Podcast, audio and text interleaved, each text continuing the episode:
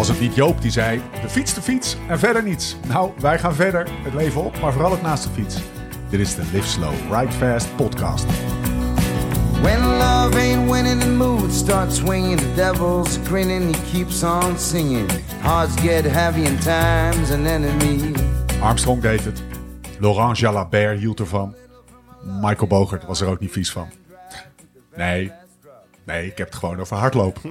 gewoon rennen. Ex-wielerprofs die gaan hardlopen. En dan niet twee keer per week door het Vondelpark, maar fanatiek, competitief. In de zin van een marathon zo hard mogelijk lopen.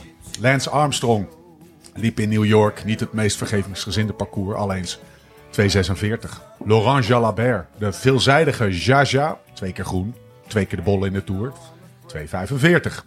Op een vlak parcours weliswaar in Barcelona, maar hey, sneller en sneller. Rolf Aaldak, 242 in Hamburg. En als we dan toch bezig zijn, Abraham Olano, de wereldkampioen van 95 in Colombia, liet in San Sebastian ooit 239 noteren. Armstrong liet al eens bij onze eigen Mart Smeets de Lanciaanse woorden optekenen. Voor ik sterf wil ik de snelste ex-prof wielrenner op de marathon geweest zijn. Wat is dat toch? Die overstap van de fiets naar de benenwagen. Dwang tot competitie, klaar met de fiets, maar dan toch behoefte aan endorfines. Het lijkt op zich een voor de hand liggende overstap. Beide duursporten, beide grotendeels dezelfde spieren. En dat hart en die longen, die willen wel. Zo moeten ook figuren als Wout van Aert en Primoz Roglic gedacht hebben. Ook zij strikken vaak de veters in plaats van dat ze in de pedalen klikken. Maar er is één groot verschil. De fiets, of beter het zadel. Gevolg, minder spierpijn. Je kunt langer, vaker, verder gaan dan te voet. Fietsen is een eendimensionale beweging, lopen niet. Eendimensionaal versus tweedimensionaal. Het zal wel de verklaring zijn voor het verschil in cultuur tussen de twee sporten. Die twee totaal verschillende culturen zorgen er op de een of andere manier voor dat het eenrichtingsverkeer is op de weg tussen de twee sporten. Een kwartiertje Google levert de eerste voorzichtige conclusie op. Fietsers gaan wel lopen, maar lopers fietsen niet. En wie is nou de rapste ex-prof op de marathon? Daarover is geen consensus. De beste tijd die ik ben tegengekomen was 2.36. 2.36, goed voor de 126e plaats in Rotterdam. Gelopen door de Belgische bondscoach zelf. Een veldrijder, nota bene. Sven van Toerenhout. Nu jij weer, Lance. Het is de hoogste tijd voor je periodieke Porsche wielergebabbel. Mijn naam is Steven Bolt. Tegenover mij zit hij, Laurens Stendam.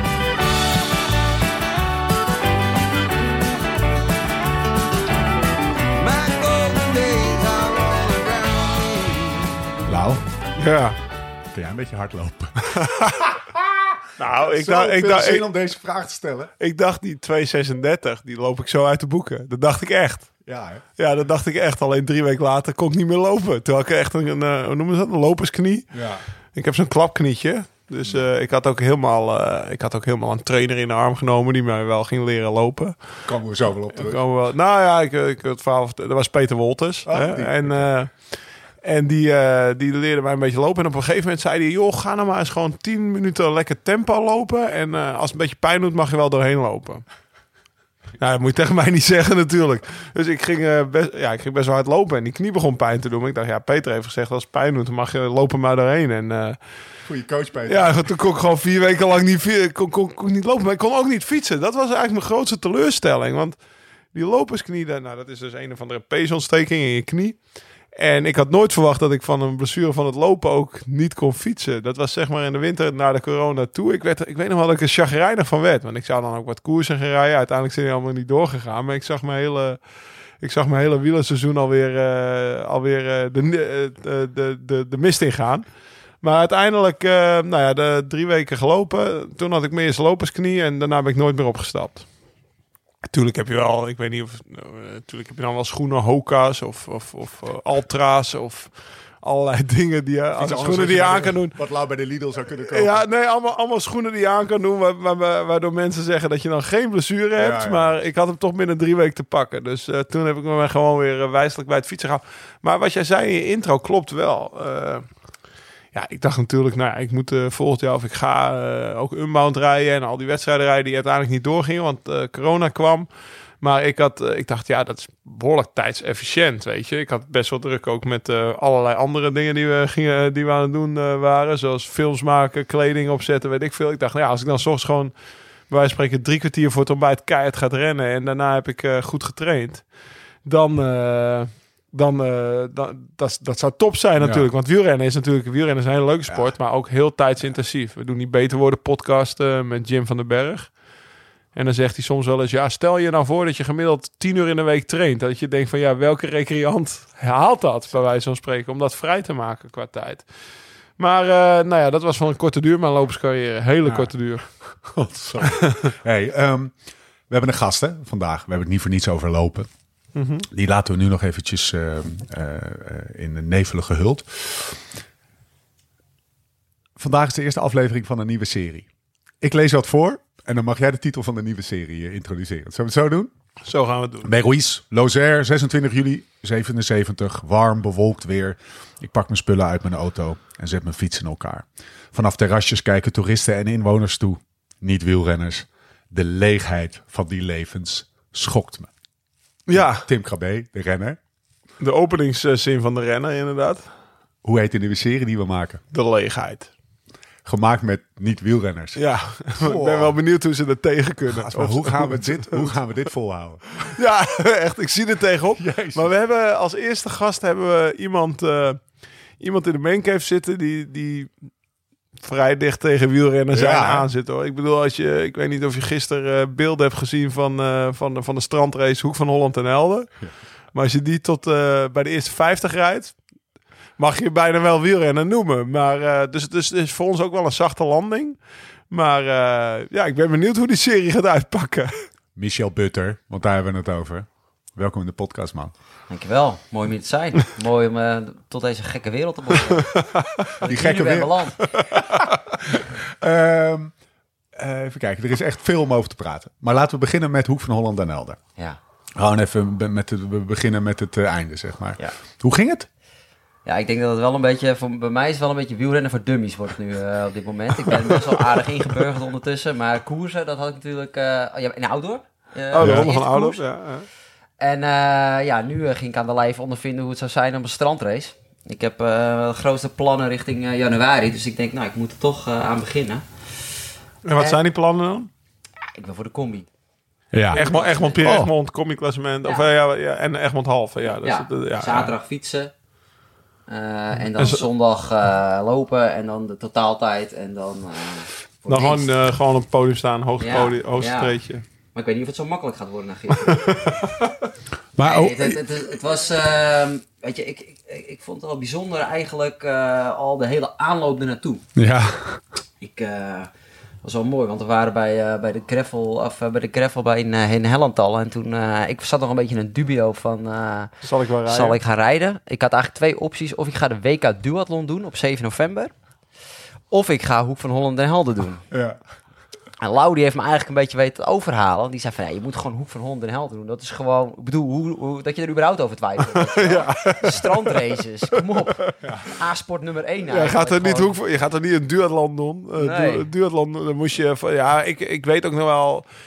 Ik, eh, zo, zo, zo snel ging het niet, maar ik, ik weet nog wel dat je mij vertelde... Ik, ben, ik kan het WK duathlon doen. Ik zeg, gozer, heb je wel eens een duathlon gedaan? Nee, dat is mijn eerste. Hoezo ga je dan meteen het, als eerste wedstrijd aan het WK meedoen? Nou, dan, had, eh, dan heeft de, ga, ik weet niet hoe, precies hoe het gaat, maar heeft dan de Nederlandse duathlonbond je, je uitgenodigd om mee te doen? Want je, je moet een Ja. bepaalde tijd lopen, hè? Nee, ze hadden, ze hadden natuurlijk eh, onderhand wel al door dat ik eh, een beetje kon fietsen en met wat kleppers hier in Noord-Holland reed. En eh, goed kon lopen. Dus zij dacht van ja, dat is natuurlijk mooi als, als Misha de WK Duathlon eh, kan doen. Ja. En eigenlijk moest ik een, een vormbehoud tonen van eh 15 minuten 30 op 5 kilometer of zo. Ja, dat is mijn, dat, loop ik, dat kom ik Dat door is, op, al- op een marathon. Fluitend. Ja, dus op zich was dat, was dat wel oké. En ik, had, ik, had, ik, ik, ik ben er nog niet over uit of ik dat uiteindelijk wel of niet ga doen. Want ik, vond het wel, ik vind het wel leuk. Ja. En ik had zelfs ook zoiets van, ja, weet je...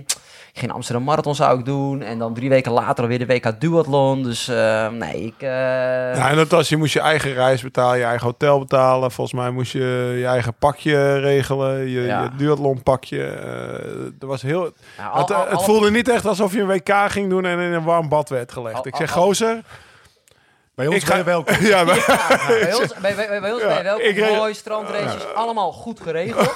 ja. Maar En toen? En, En toen? toen? Toen was het zaterdag. Toen ging dat, wacht even, even voor de, voor de, voor de, voor de, voor- een beetje voor de beeldvorming. En ik wil je niet te veel eh, richting indrukken, maar ik ga het toch doen. Toen ging de, de hardloper die normaal alleen zijn schoenen, zijn broekje en zijn shirt nodig heeft. Ja. En in jouw geval waarschijnlijk overal eh, eh, met open armen wordt ontvangen en in een, fatsoenlijk hotel ligt. En Ja.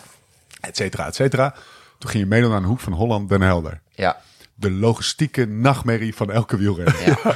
ik was ten eerste was ik al, doordat, ik, doordat je zo lekker in die luxe zit van het lopen en naar de start wordt gebracht en lekker in zo'n callroom zit van, eh, met het lopen, zat ik al een aantal dagen van, zat ik ineens een paar dagen van tevoren, shit, ja, ik moet toch nog wel eens gaan bedenken hoe ik daar in eh, Hoek van Holland eh, ga aankomen. Dus iedereen appen, allemaal mensen, hotels, afge, ge- hotels bekeken, huisjes, gewoon niks, alles vol. Nou, uiteindelijk eh, had ik een maatje, Jordi, die, eh, die met me meeging. Die ging ook zelf fietsen. Die zei, weet je, ik zet mijn auto in Hoek van Holland neer. Wij gaan gewoon daarheen. En dan zie ik wel hoe, mijn auto, hoe ik mijn auto weer Ja. terugkrijg. Want ja, eh, je rijdt van Hoek van Holland naar Den Helder. Dus ja, hoe je terugkomt, eh, zoek het uit. Maar ik had aangeboden om jullie Ja. op te halen sowieso. Hè? Alleen ja, jij had een, een of andere snabbel in Etteleur. Waar je ook weer om vieren. Daar, er zat nog tijdsrekop ook bij. Hij ging ook van Holland en Helder rijden. Moest 's middags er even bij snabbelen. Meneer had een snabbel. Ja, ja, ik had een dubbele afspraak. Ik moest om vier uur in Etteleur zijn. Dus er zat, ik werd al niet zo heel vrolijk dat het noordwestenwind was. Een westenwind. Oh ja, inderdaad. Ja. Nee, dat, eh, dat, dat, dat werd al een beetje penibel. dus- dus, dus, ik had al bedacht, oké, ik moet mijn auto in Den Helder hebben. ja. Eh, zodat als ik daar aankom, dat ik, eh, als ik nog een beetje tijd heb en wat kan douchen en zo, dan, maar goed, dan kan ik in ieder geval daar vandaan meteen door naar Etteleur en Ja. een eh 2,5 uur in die auto en dan red ik het allemaal wel. Een beetje half één finishen. Maar ja, dat was nog met zuidwestenwind. Ehm, uit- dus vervolgens eh, ben ik op zaterdag met de, eh, met de auto naar Den Helder gereden. Heb ik daar mijn auto neergezet bij de finish alvast, bij de, bij de voetbalvereniging. Ben ik, ja, zo ben ik dan ook weer hardlopend naar Ja. het station gegaan. dus dat was drie ja. kilometertjes. Met de trein terug naar Castricum. Daar had ik nog een fiets staan die ik een paar dagen daarvoor op het eh, station nog had. En toen ben ik naar huis gereden. Dus dat, dat deel van, was in ieder geval opgelost. En eh, ja, zondagochtend eh, haalde Jori mij op om eh, tien voor half zes. Jesus Christ. hoe, laat, hoe laat stond je wekker? Vijf uur of zo? ja, ja, ja, vijf uur. Dus dat zijn ook... eh, Goed ontbeten? Ja, ik heb gewoon een paar witte bammetjes in de auto gegeten. Gewoon lekker jam, soepeleg, vruchtenhagel. Dat neem ik normaal. maar Zelfs als wat je voor de, zelfs als wat je voor een uh, marathon Ja, ik, ik, ik, eigenlijk neem ik altijd jam en vruchtenhagel. Maar nu, omdat ik in de auto zat en de auto niet eh, vies wilde maken, dacht ik, nou, dan hou ik het wel bij een eh, paar broodjes eh jam. Die lopen, joh. Vruchtenhagel is jam. lekker, man. Ja. Maar even dus niet, niet, niet dat had ik eh, bij Rauwak. Bij, bij Rauwak moest je dat ook 200 eten. gram havermout. Nee. Mm. Nee, nee. Ik, ik ben wel voorstander van eh, vezelarm. Ik ben het ook wel gewend. En eh, ik vind het gewoon lekkerder als er niet te veel, eh, Nou, daar niet veel last van heb. Dus gewoon lekker simpel witte broodje met jam. gaan we nog op terugkomen. Oké, oké, oké. Cultuur, cultuur. Noteren. Cultuur. Ehm, Oké. en dus toen bij de, ja, bij de, bij, ja, goed, dan kom je eraan bij de start, dan moet je je nummertje halen. En eh, nou, dan zit je gewoon lekker tussen alle andere mensen. Een bakje koffie. Ehm, natuurlijk een nummer die je dan op je fiets moet eh, monteren. Nou, daar was ik even tien minuutjes mee bezig. Met van die tijrippies.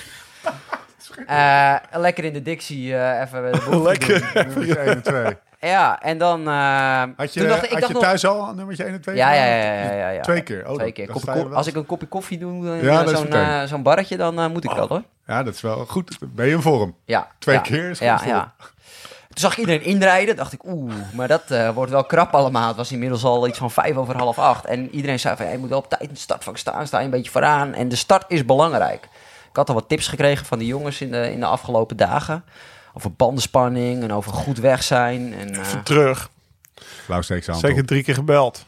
Toch? Over bandenspanning, Ja, eh, over ja, ja. logistiek. Maar ik zei, als jij toch iemand moet bellen. We hebben hem ook in de podcast gehad.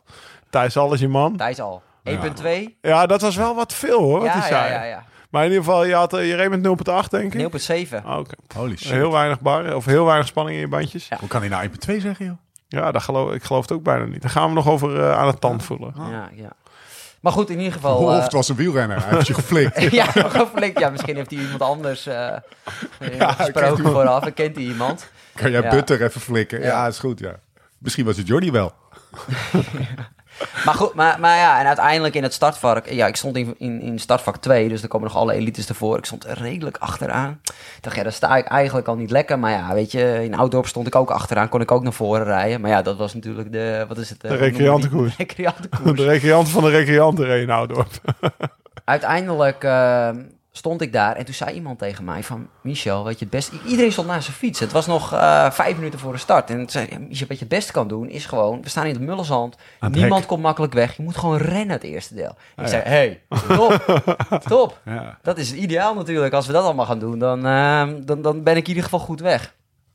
Uiteindelijk eh, zeiden ze nog een minuut tot de start. Jongens, nog één minuut gingen we.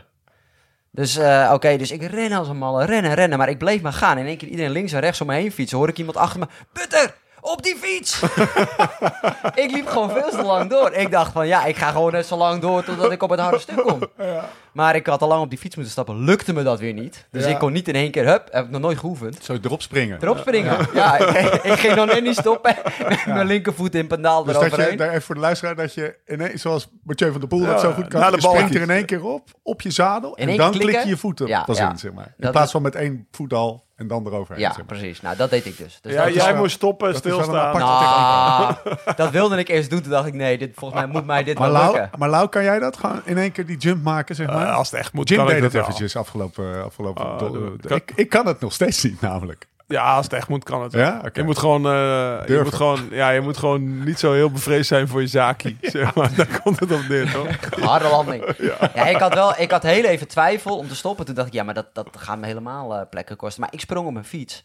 En toen dacht ik echt... Nou, ik wist niet wat ik moest verwachten. Hè. Ik, Ja. bedoel, je werd, ik werd helemaal gek gemaakt af en toe door die gast hier. Want dan zei ze, ja, je kan top 15 rijden en weet ik wat allemaal. En ik dacht echt van, nou...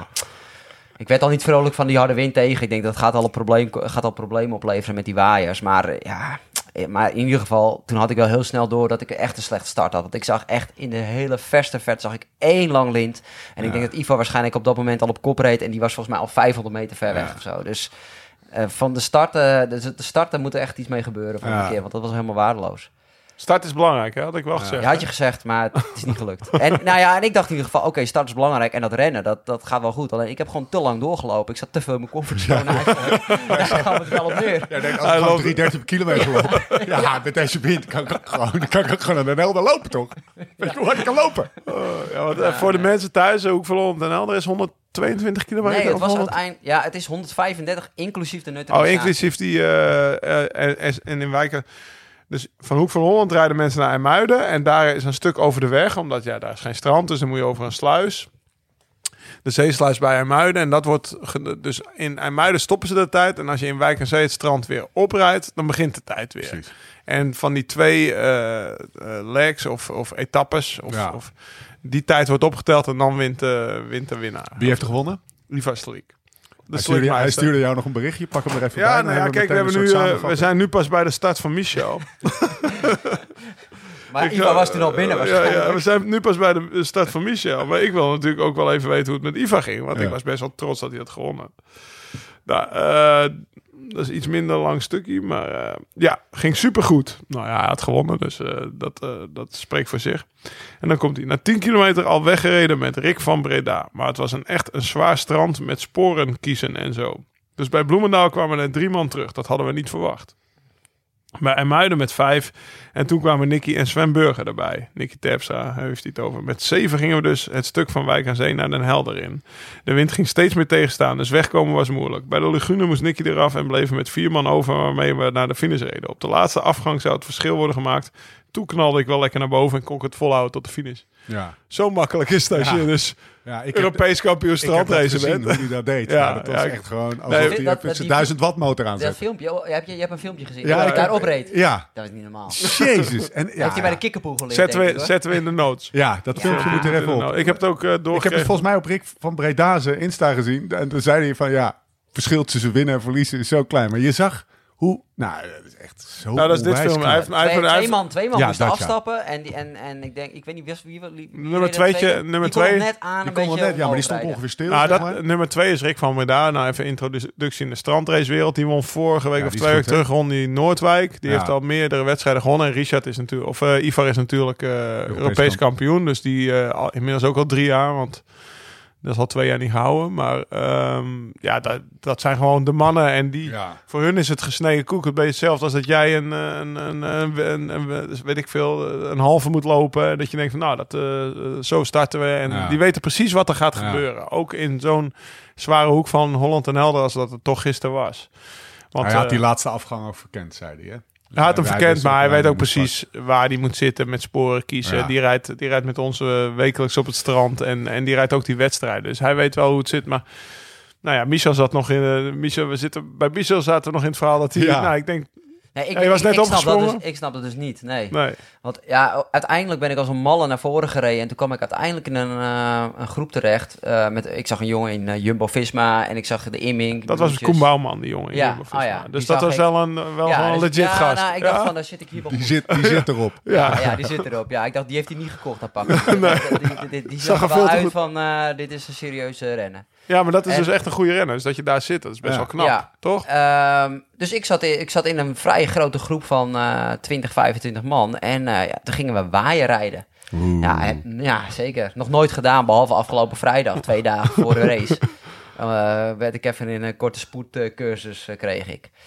Nou, ik, ja, ik, ik kon er echt, ik snapte er helemaal niks van. Ik ging, eh, op zich het, eh, eh, had ik de tip gekregen van, oké, weet je, je moet gewoon meedraaien. Dat is het, dat is het beste. Ja. Dus dat deed ik ook. Eh, maar dan kwam ik van kop af. Maar ik kwam erachter gewoon dat er maar iets van zes, zeven man eigenlijk aan het draaien was. En de rest die hing er gewoon aan. Ja. Alleen vervolgens kwam ik dan van kop af. En dan hup, lekker zo. Het is een beetje gewoon Dus weer inpikken. inpakke- inpak- inpikken, inparkeren in, in, met 30 per uur of zo. Eh, dus ik deed dat. Alleen vervolgens ging ik dan naar rechts. Alleen die, een groot deel van die groep, die deed gewoon niks. Dat was, die waren gewoon gratis aan het meerijden. Dat vond je kut. Dat ja, dat Ja. vond ik niks. Alleen vervolgens kwam ik... Ik werd gewoon naar achter gedrukt eigenlijk, als het ware. Totdat ik op de kant stond. En ja, en ik had eigenlijk dan gewoon heel lang de wind tegen Maar die gasten die gratis aan het meerijden waren... Nee, die za- gaven me geen ruimte. Nee, maar die zaten ook op de kant, toch? Ja, die zaten op de kant. Alleen ik, ik wilde dan weer inpikken naar voren om te draaien. Maar dat lukte me gewoon niet. Nee, nee, ik kreeg nee. gewoon geen ruimte. Jij Dus werd uit de waaier geduwd. Ik werd elke keer uit de Ja. waaier geduwd. En die gratis meerijders, die bleven gewoon lekker inhangen. Een, een wielrenner, eh, zeg maar, ik, ik, ik hoor Lau nu denken, ja, wat dan? Dat is vechten voor je plekje. Want ja, die gasten, het waren zeven man in de waaier en dan de rest. Ja. Zeg maar, achter Bij is altijd een gevecht. De En, eerste van eh, die achter, die zal je eruit duwen. Ja, maar, de tweede ook. ja, maar ik de denk, derde. weet je, ah, die mannen geven me wel de ruimte. Want Ja. ik ben notabene, je mag met mij gratis meerijden. Weet Ja. je wel? Ja, en dan ja. ga je me nog eh, f- flikken, hè, is dat toch? Zo heet Ja. dat toch? Ja. Flik, ga je me nog flikken ook, weet je wel? Dus, dus ehm, en uiteindelijk ja, werd ik er dus eh, eruit gereden. Kon ik weer terugkomen. Want op zich, ja, ik was nog wel in orde op dat moment. Dus ik kon het wel weer aansluiten. Ik heb ook begrepen dat dat niet zo handig is. Maar ik voelde me goed genoeg om weer aan te sluiten. Had je een idee waar je in de wedstrijd zat? Want als het dezelfde groep is Koen Bouwman. Ja, Jesus Christ. Best wel goed, toch? Ja, dan zat ik, zat ik bij de eerste 40 misschien of zo. Eh, Uiteindelijk denk ik wel, toch? Uiteindelijk ben je vijftigste geworden. Ja, toch? dus dan zat ik op dat moment wel in die groep. Ja, en ik werd wauw. daar uit die elke groep, werd, die groep werd ik eruit gereden. Ik heb er toen nog een keer een poging gedaan om weer hup, mee te draaien en terug. En wel even ASO te doen en eh, Ja. eh, erin te knallen. Maar toen bleef zo'n gast, die, die duwde me gewoon van rechts, die gratis meerijden, die duwde me gewoon terug. kwam een, een man van links die ook aan het meedraaien was, die kwam er ook aan op dat moment. Ja, dus die gaf ik een, eh, een kwak. En hij mij, oh jongen, zo'n Amsterdamse accent. Wat doe je nou, mijn kleerlaaier? Jezus, dacht nou, dit is ook weer niet de manier. Ja, uiteindelijk ben ik eruit gegaan. Nee, niet, niet bewust hoor, want het was gewoon de zoveelste keer dat ik eruit ging. En toen heb ik met een, een groepje van tien een beetje eh, ben ik wezen draaien. En zo Ja. lekker achter die groep. Gewoon, jongens, we gaan het gat niet dichten. Dat waren eigenlijk dezelfde jongens die ook niet in die, in die waaier konden blijven. Lekker op het gemakje draaien. Nou, Maar dan zie, je, dan zie je wel de, wat, wat het waaierrijden is. ja. Ja. weet je, op een gegeven moment... Kijk, met, zeker met zo'n mulstrand. Hè? Ik bedoel, de- het was eh, noordwestenwind, dus de waaier gaat van, zeg maar, van de zee. En de zee staat hoog, omdat het was windkracht 6, dus de zee wordt opgestuurd. Smal strandje. Je gaat, ja, je gaat dus van de zee ja, richting de duinen rijden, de waaier. Dus de laatste zit... Maar ja, de, de, de- dat is nog anders dan met wielrennen op de weg. Want de laatste zit steeds meer... Er is wel ruimte, maar je komt steeds meer in het mulle zand. Dus dat rijdt ook niet lekker. Dus er is gewoon echt maar plek voor, nou ja, wat Michel net zei. Bijvoorbeeld die tien man. En dan kan je maar beter snel bijvoorbeeld een tweede waaier opzetten en naar achter draaien. Of je moet jezelf echt steeds in die eerste waaier zien te kwakken.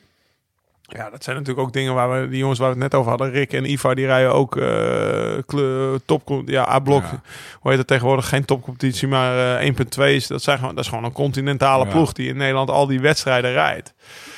Dus eh, die, ze- die, die weten niet beter. En voor Michel is de eerste keer best nog wel ja, knap om te zien hoe die zich staan hield. Want kijk, ik, eh, Michel, eh, die, we rijden al een tijdje, daar komen we nog wel op, maar we rijden al een tijdje samen door de duinen. Dus ik moest natuurlijk, en ik, heb, ik had voor mezelf, om mezelf eh, in bescherming te nemen, ik had gezegd, ik rij niet eh, Hoek van Holland en Helden, want dan ga je misschien weer te fanatiek beginnen met trainen. Dus ik pas vanaf 1 januari stroom ik bij wijze van spreken weer in. Maar ik was wel eh, met, met het groepje wat, wat Michel vrijdag spoedles had gegeven. Dus de mannen met wie we door de duinen rijden. De oud-coureurs, we Jelle Mul, Jan Schilder, Maurice Vrijmoed van Service Koers. Frank. Frank van Rooyen waren we richting Wijk en Zee gereden. De flikploeg. Ja. De flikploeg. Daar kan je, daar kan je Ja, vol- ik, zag die appjes, want wij zaten, wij waren beter woorden aan het opnemen in Limburg, maar ik zag, ik, zit, ik zag die appjes wel voorbij komen Ja. en dat ging bloedserieus aan toe. Dat Frank, Frank is een hele nette jongen, echt Ja. een hele nette jongen, notaris. Ja. Ik bedoel, netter krijg je ze niet. Totdat hij op een fiets Alles zit. volgende regio. Maar die, die was Michel gewoon eh, bloedserieus aan het uitleggen. Je moet niet kijken waar je heen gaat. Want dan denken mensen, oh, hij gaat misschien wel remmen. Nee, je moet gewoon blind overal ieder gaatje insturen. Dat ja, zei ja, hij, hè? Ik heb een half uur met hem aan de lijn gezeten. Ja, ja, dus hij heeft hem heel het principe van... wij- Nou, maar ik denk, joh, ik ga mijn poulain opzoeken. Dus we zijn eh, de, de NA100 tot Wijk aan Zee gereden. Wat ja, en eh, ik, ik heb van tussen Wijk aan Zee en Egmond heb ik... eh, heb ik mezelf wel zoveel mogelijk afzijdig proberen te houden. Want ja, je rijdt in een koers en Ja. ik wil me niet met koersverloop noemen. Maar ik heb met, eh, hij, zat in de, hij zat daar in, de, in, de, in dezelfde groep ook als Thomas. Ja. Heb ik, eh, heb ik Michel Zwaaien kwaliteiten mogen aanschouwen. Maar je bent op zich wel een snelle leerling hoor. Ja, ik, denk- nou, ik denk dat het de volgende koersjes wel gaat lukken. Ja, ja, ja. Even, even, eh, even fast forward, want ehm, we gaan het zo meteen hebben over zeg maar, jouw transitie als loper naar fietser. Of de, Ja. de, de combinatie, zeg maar. En, ehm, maar vooral ook de culturele verschillen en overeenkomsten tussen het loperswereldje en de, en de, en de, en de, en de fietserij. Eh, waarvan je al een heel aantal voorbeelden hebt gegeven.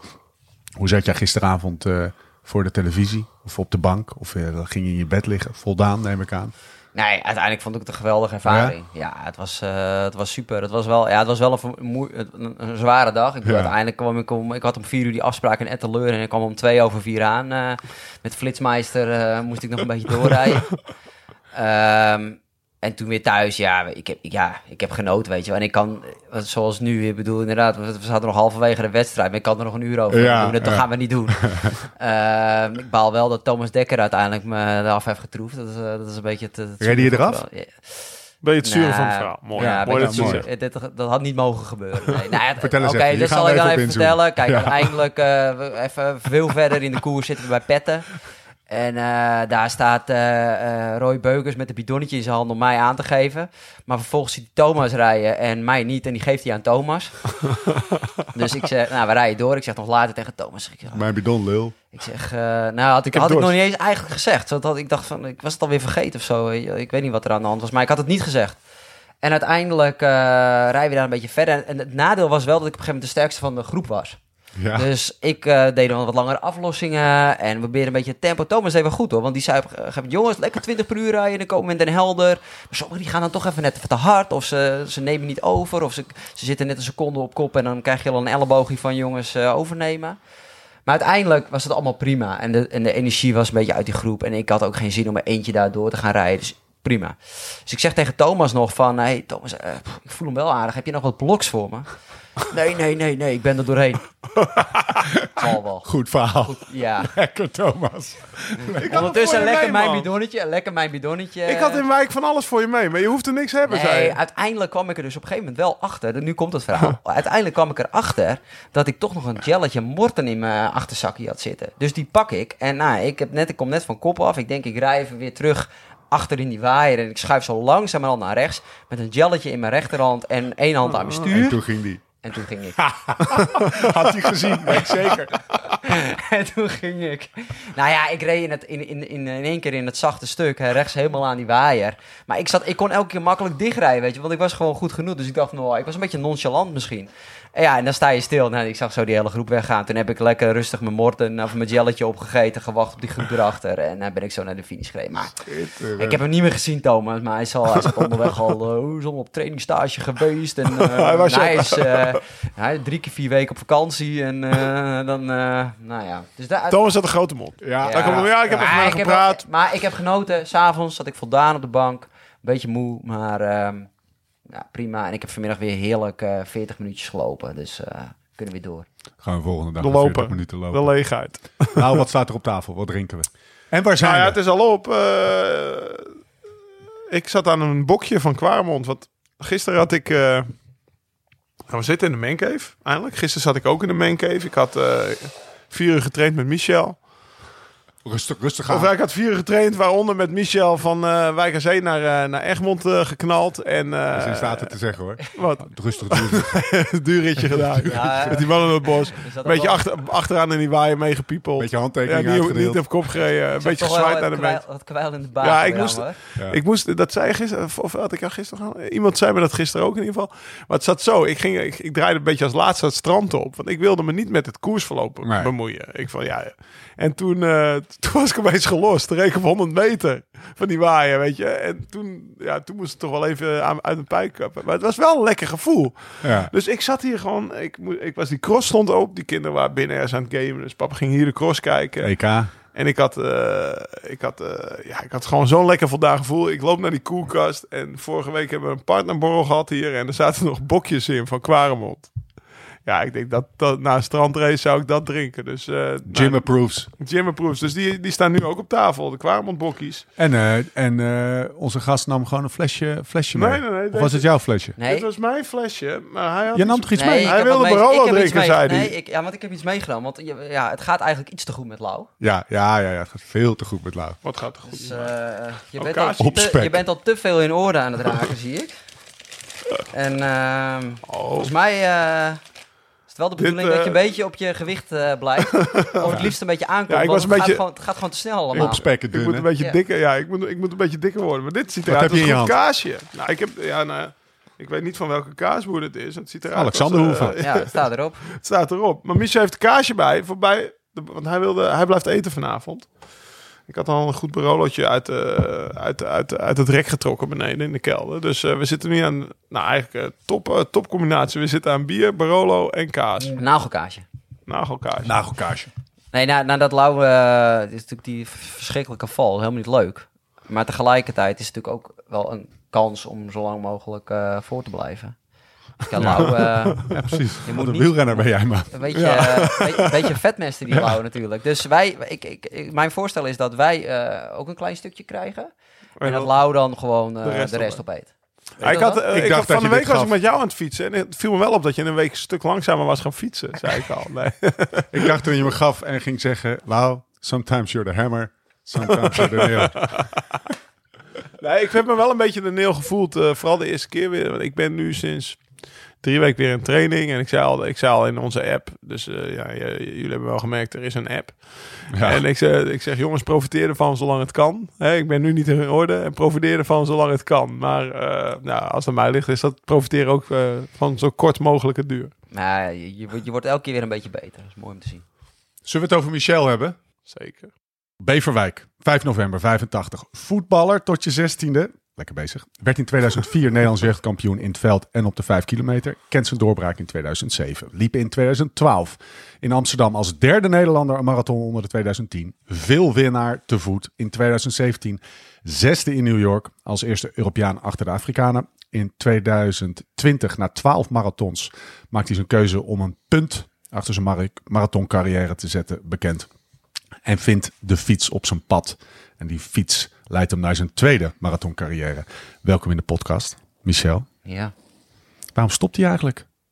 Met, met topsport of met marathons? ja topsport zou ik zeggen. 2020, hè? Ja, topsport zou ik zeggen. Nou, dat, dat een beetje eh, was natuurlijk corona kwam. Het was 2020 en ehm, toen was ik behoorlijk goed op weg om eh, de spelen te halen in april. Althans, ik, was, ik had een goede periode gehad. eh, een paar maanden in Kenia. Eigenlijk is dat altijd de plek waar ik regelmatig kwam. Ja.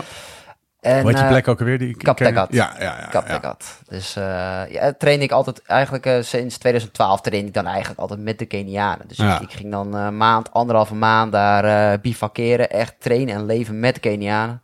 Echt fantastisch, was Ja. een mooie tijd. En ik train onder, ja, met Elliot Kipchoge en de groepen daar. Ja. Eh, dan stond je daar s ochtends vroeg om 6 uur met 150 man aan de start van een, van een training. En ja, dat was fantastisch. Gaat dat elke dag gewoon hard? Of is het Nee, of wordt er nee, nee, getraind, nee, nee. gericht getraind, soms lang? Kijk, de ochtenden het, het is gewoon echt afhankelijk van de training. Kijk, eh, dinsdag eh, was dan bijvoorbeeld een baantraining. eh, donderdag een lange duurloop van 30 tot 40 kilometer. En zaterdag een fartlek.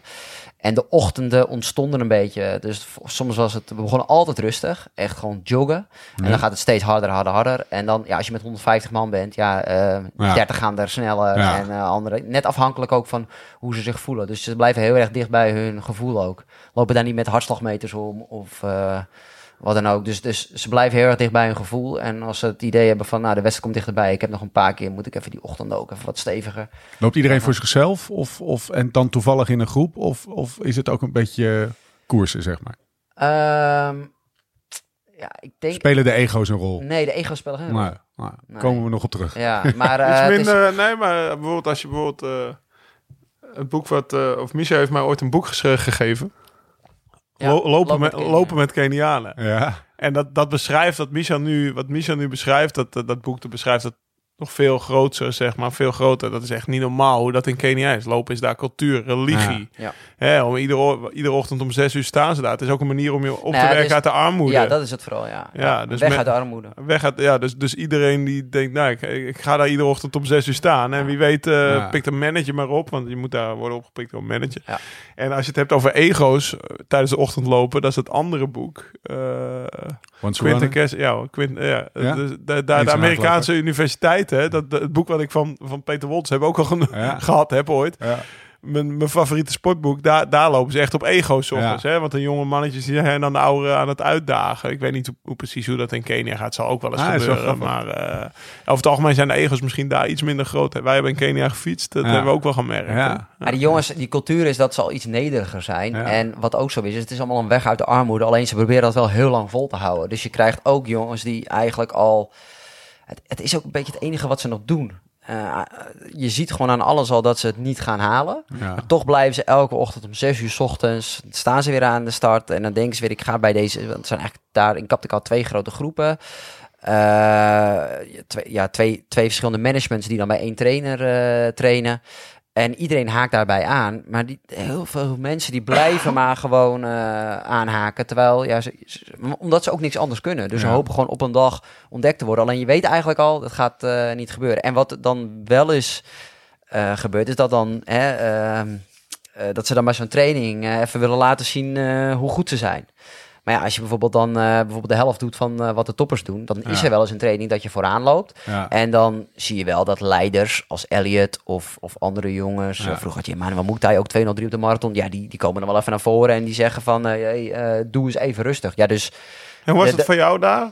Was jij daar een van de mannetjes? Of deed je daar, liep je daar gewoon mee? Of, eh, eh, nee, uiteindelijk werd ik, het was natuurlijk bijzonder, want ik was de enige blanke daar. Ja. En eh, Vet, joh, hè. ik was onderdeel van die eh, gemeenschap. Eh, ik sprak op een gegeven moment ook wat woorden Kalenjin en eh, wat Swahili. En uiteindelijk...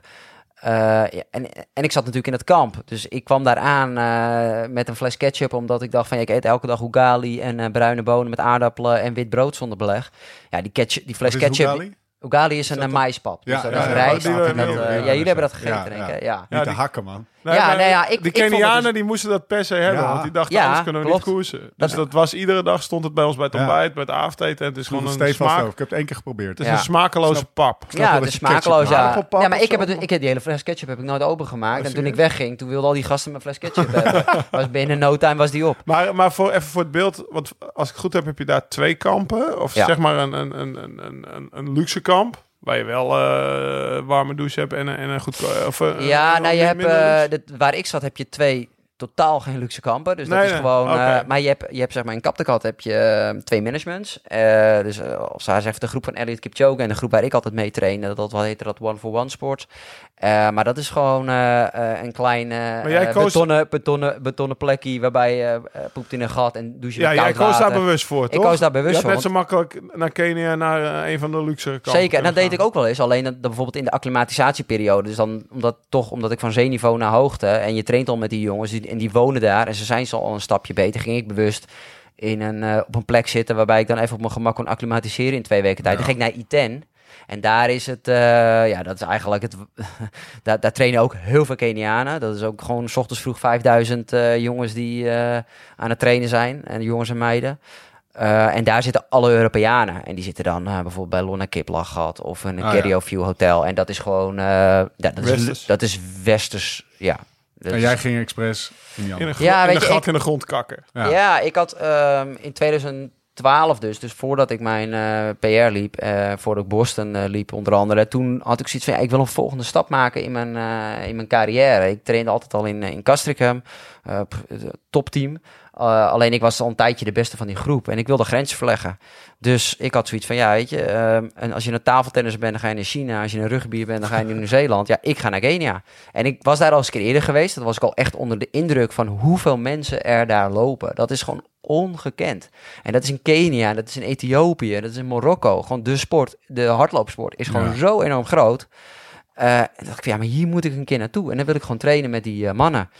Ja, het enige, de bijzaak die er ook aan vasthing, was dat ik dan in een kamp zat. Dus trainen met de Kenianen is leuk, maar is ook leven met de Kenianen. Dus gewoon aanpassen aan het eten, hetzelfde eten.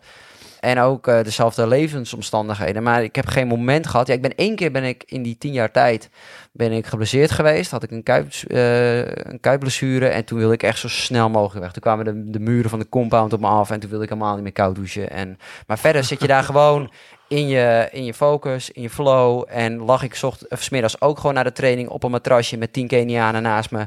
eh, onder een boom. En was het gewoon genieten. Weet je wel? Dat Hebben was wij ook gelegen. Ja.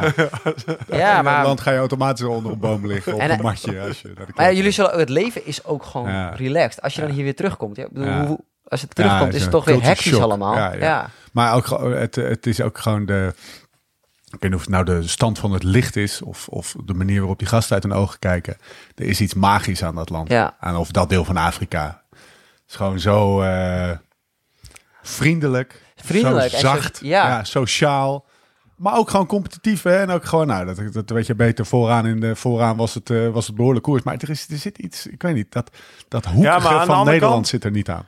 Aan de andere kant, eh, wat je zegt, dat nederige, dat merkt hij ook wel echt in de kopgroep. Ja, Ze soms- verwachten ja, allemaal ja. dat wij het werk opknapten, Ja. bij wijze van spreken. Dus echt de wil om te... Ja, ja. En ze snapten niet dat ze zelf ook dingen moesten doen om te winnen, bij wijze van spreken. Ik weet Ja, maar er is wel- Maar... Nou, er is, dus jij vraagt van, ja, ben je onderdeel, was je op een gegeven moment onderdeel van die groep? Kijk, in het fietsen denken zij waarschijnlijk gewoon, er zijn de blanken de beste. Ja, ja, ja. En in het lopen denken ze, Ja. Kenianen zijn de de beste. beste, Dus ja. ik ging in het begin, toen ik daar voor het eerst kwam, toen dacht ze, oh, daar hebben we een blanke, weet je wel. Of, eh, die, eh, maar dan deed ik een fartlek op zaterdagochtend met die groep en dan vertrokken we met 120 man. En dan bouwde ik dat zo'n beetje op. En uiteindelijk eh, werkte ik me zo toen naar voren in, in zo'n anderhalf uur training. En eindigde ik ergens bij de beste 30. En dan was het op, aan- zaten we bij het ontbijt en al die gasten lachen. Ja, wat was er gebeurd? Al die gasten achter mij, die waren uitgestapt. Die waren gestopt. Want die wisten niet wat ze overkwam. Die dachten, dit kan helemaal niet, weet je wel. Dat hier een blanke is en die Ja. loopt ons eraf. Ehm, en ja, dat werd met de jaren ook nog steeds wat meer. Dus het, uiteindelijk... eh, En dat, dat, dat, dat besef, dat was dus echt niet in hun hoofd. Dat kon gewoon niet. Dus dan stoppen ze liever of ze, of ze haakten bij me aan. En dan hoorde ik ze puffen en steunen. En dan in één keer stonden ze stil en hun veters te strikken aan de zijkant. Of eh, moesten ze plassen, weet je wel. Ehm, dus ik denk dat dat ook is, een bepaalde beeldvorming. Dat ze denken van, ja, eh, die Ja, ja. blanken... eh, die, zijn in kunnen het echt fietsen hard gewoon, die fietsen. kunnen echt hard fietsen. Ja, ja. Maar dat nederige en sociale, dat is fantastisch. En dat zag ik ook wel in jullie sociale media voorbij komen. En ook in de docu. Eh, hoe je ook omgaat met die mensen. Je hebt heel snel het gevoel van dat zijn maatjes of zo. Ja, Weet je? Of je ja. kan een beetje laagdrempelig Ja. met elkaar communiceren. Heel erg huggable. Ja. ja. Ja. Ja. En ook andere kant op trouwens. Heel fysiek zijn Ja. ze.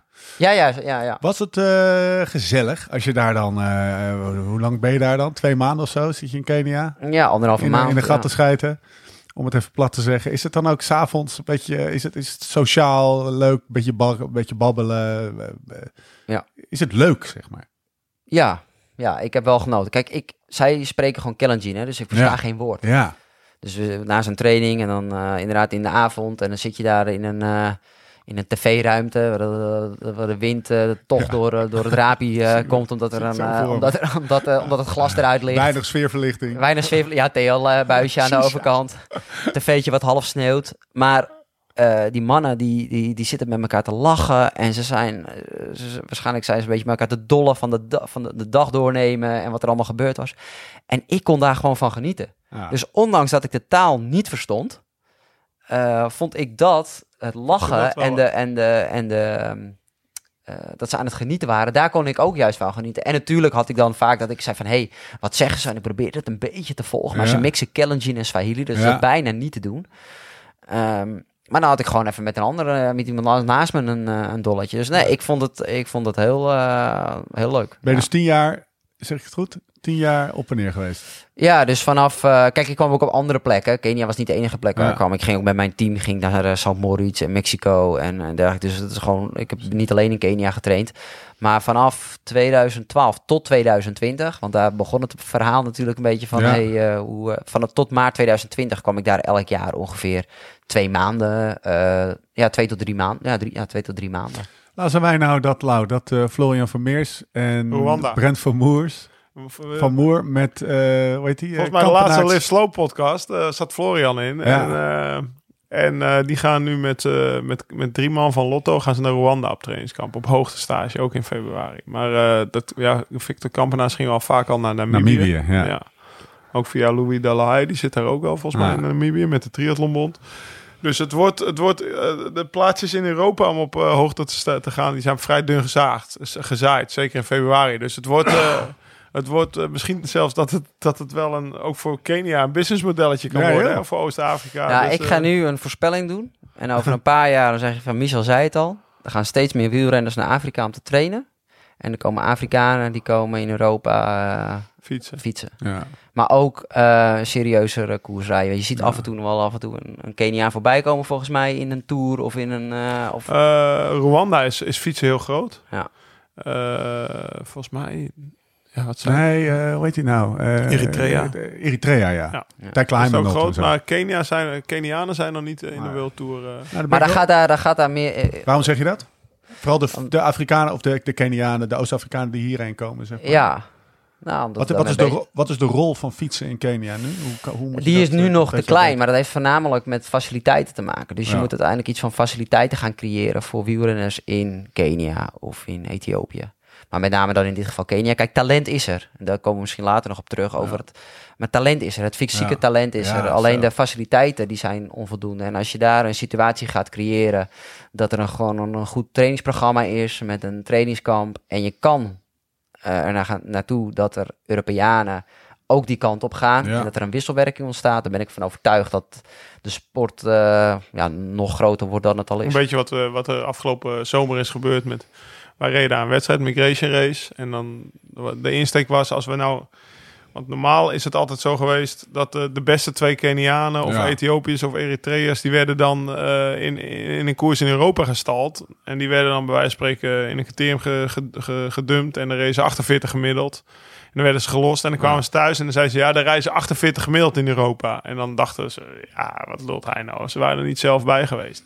Nu hadden ze zeg maar vijf Europeanen. Dus Ian Bossel was er, ik was er, Thomas. Thomas was er. eh, vijf echt goede Europeanen waren daar. En die konden dan ja, konden daar opeens 30 of 40 of 50 man met eigen ogen zien hoe, hoe, ja, wat, er voor nodig was om, om, eh, in dit geval gravelprof te worden. Want ze, ze, ze, ik denk ook wel dat Kenianen op gravel, want daar ligt Ja. heel veel gravel. Eh, als de kansen er zijn, dan, eh, dan, dan zullen ze ze grijpen ook, denk ik. Want eh ze, Wahoo zou dan de beste twee Kenianen uit Migration Race eh, naar Amerika sturen voor, voor wat wedstrijden. Alleen dat is dan weer via, door visa-problemen allemaal niet doorgegaan. En dat is natuurlijk super zonde, ook voor, voor, voor, voor die mannen. Want, eh, want Soele, die hebben we ook in de podcast gehad, in Ja. een Engelse podcast, die komt nog ooit online.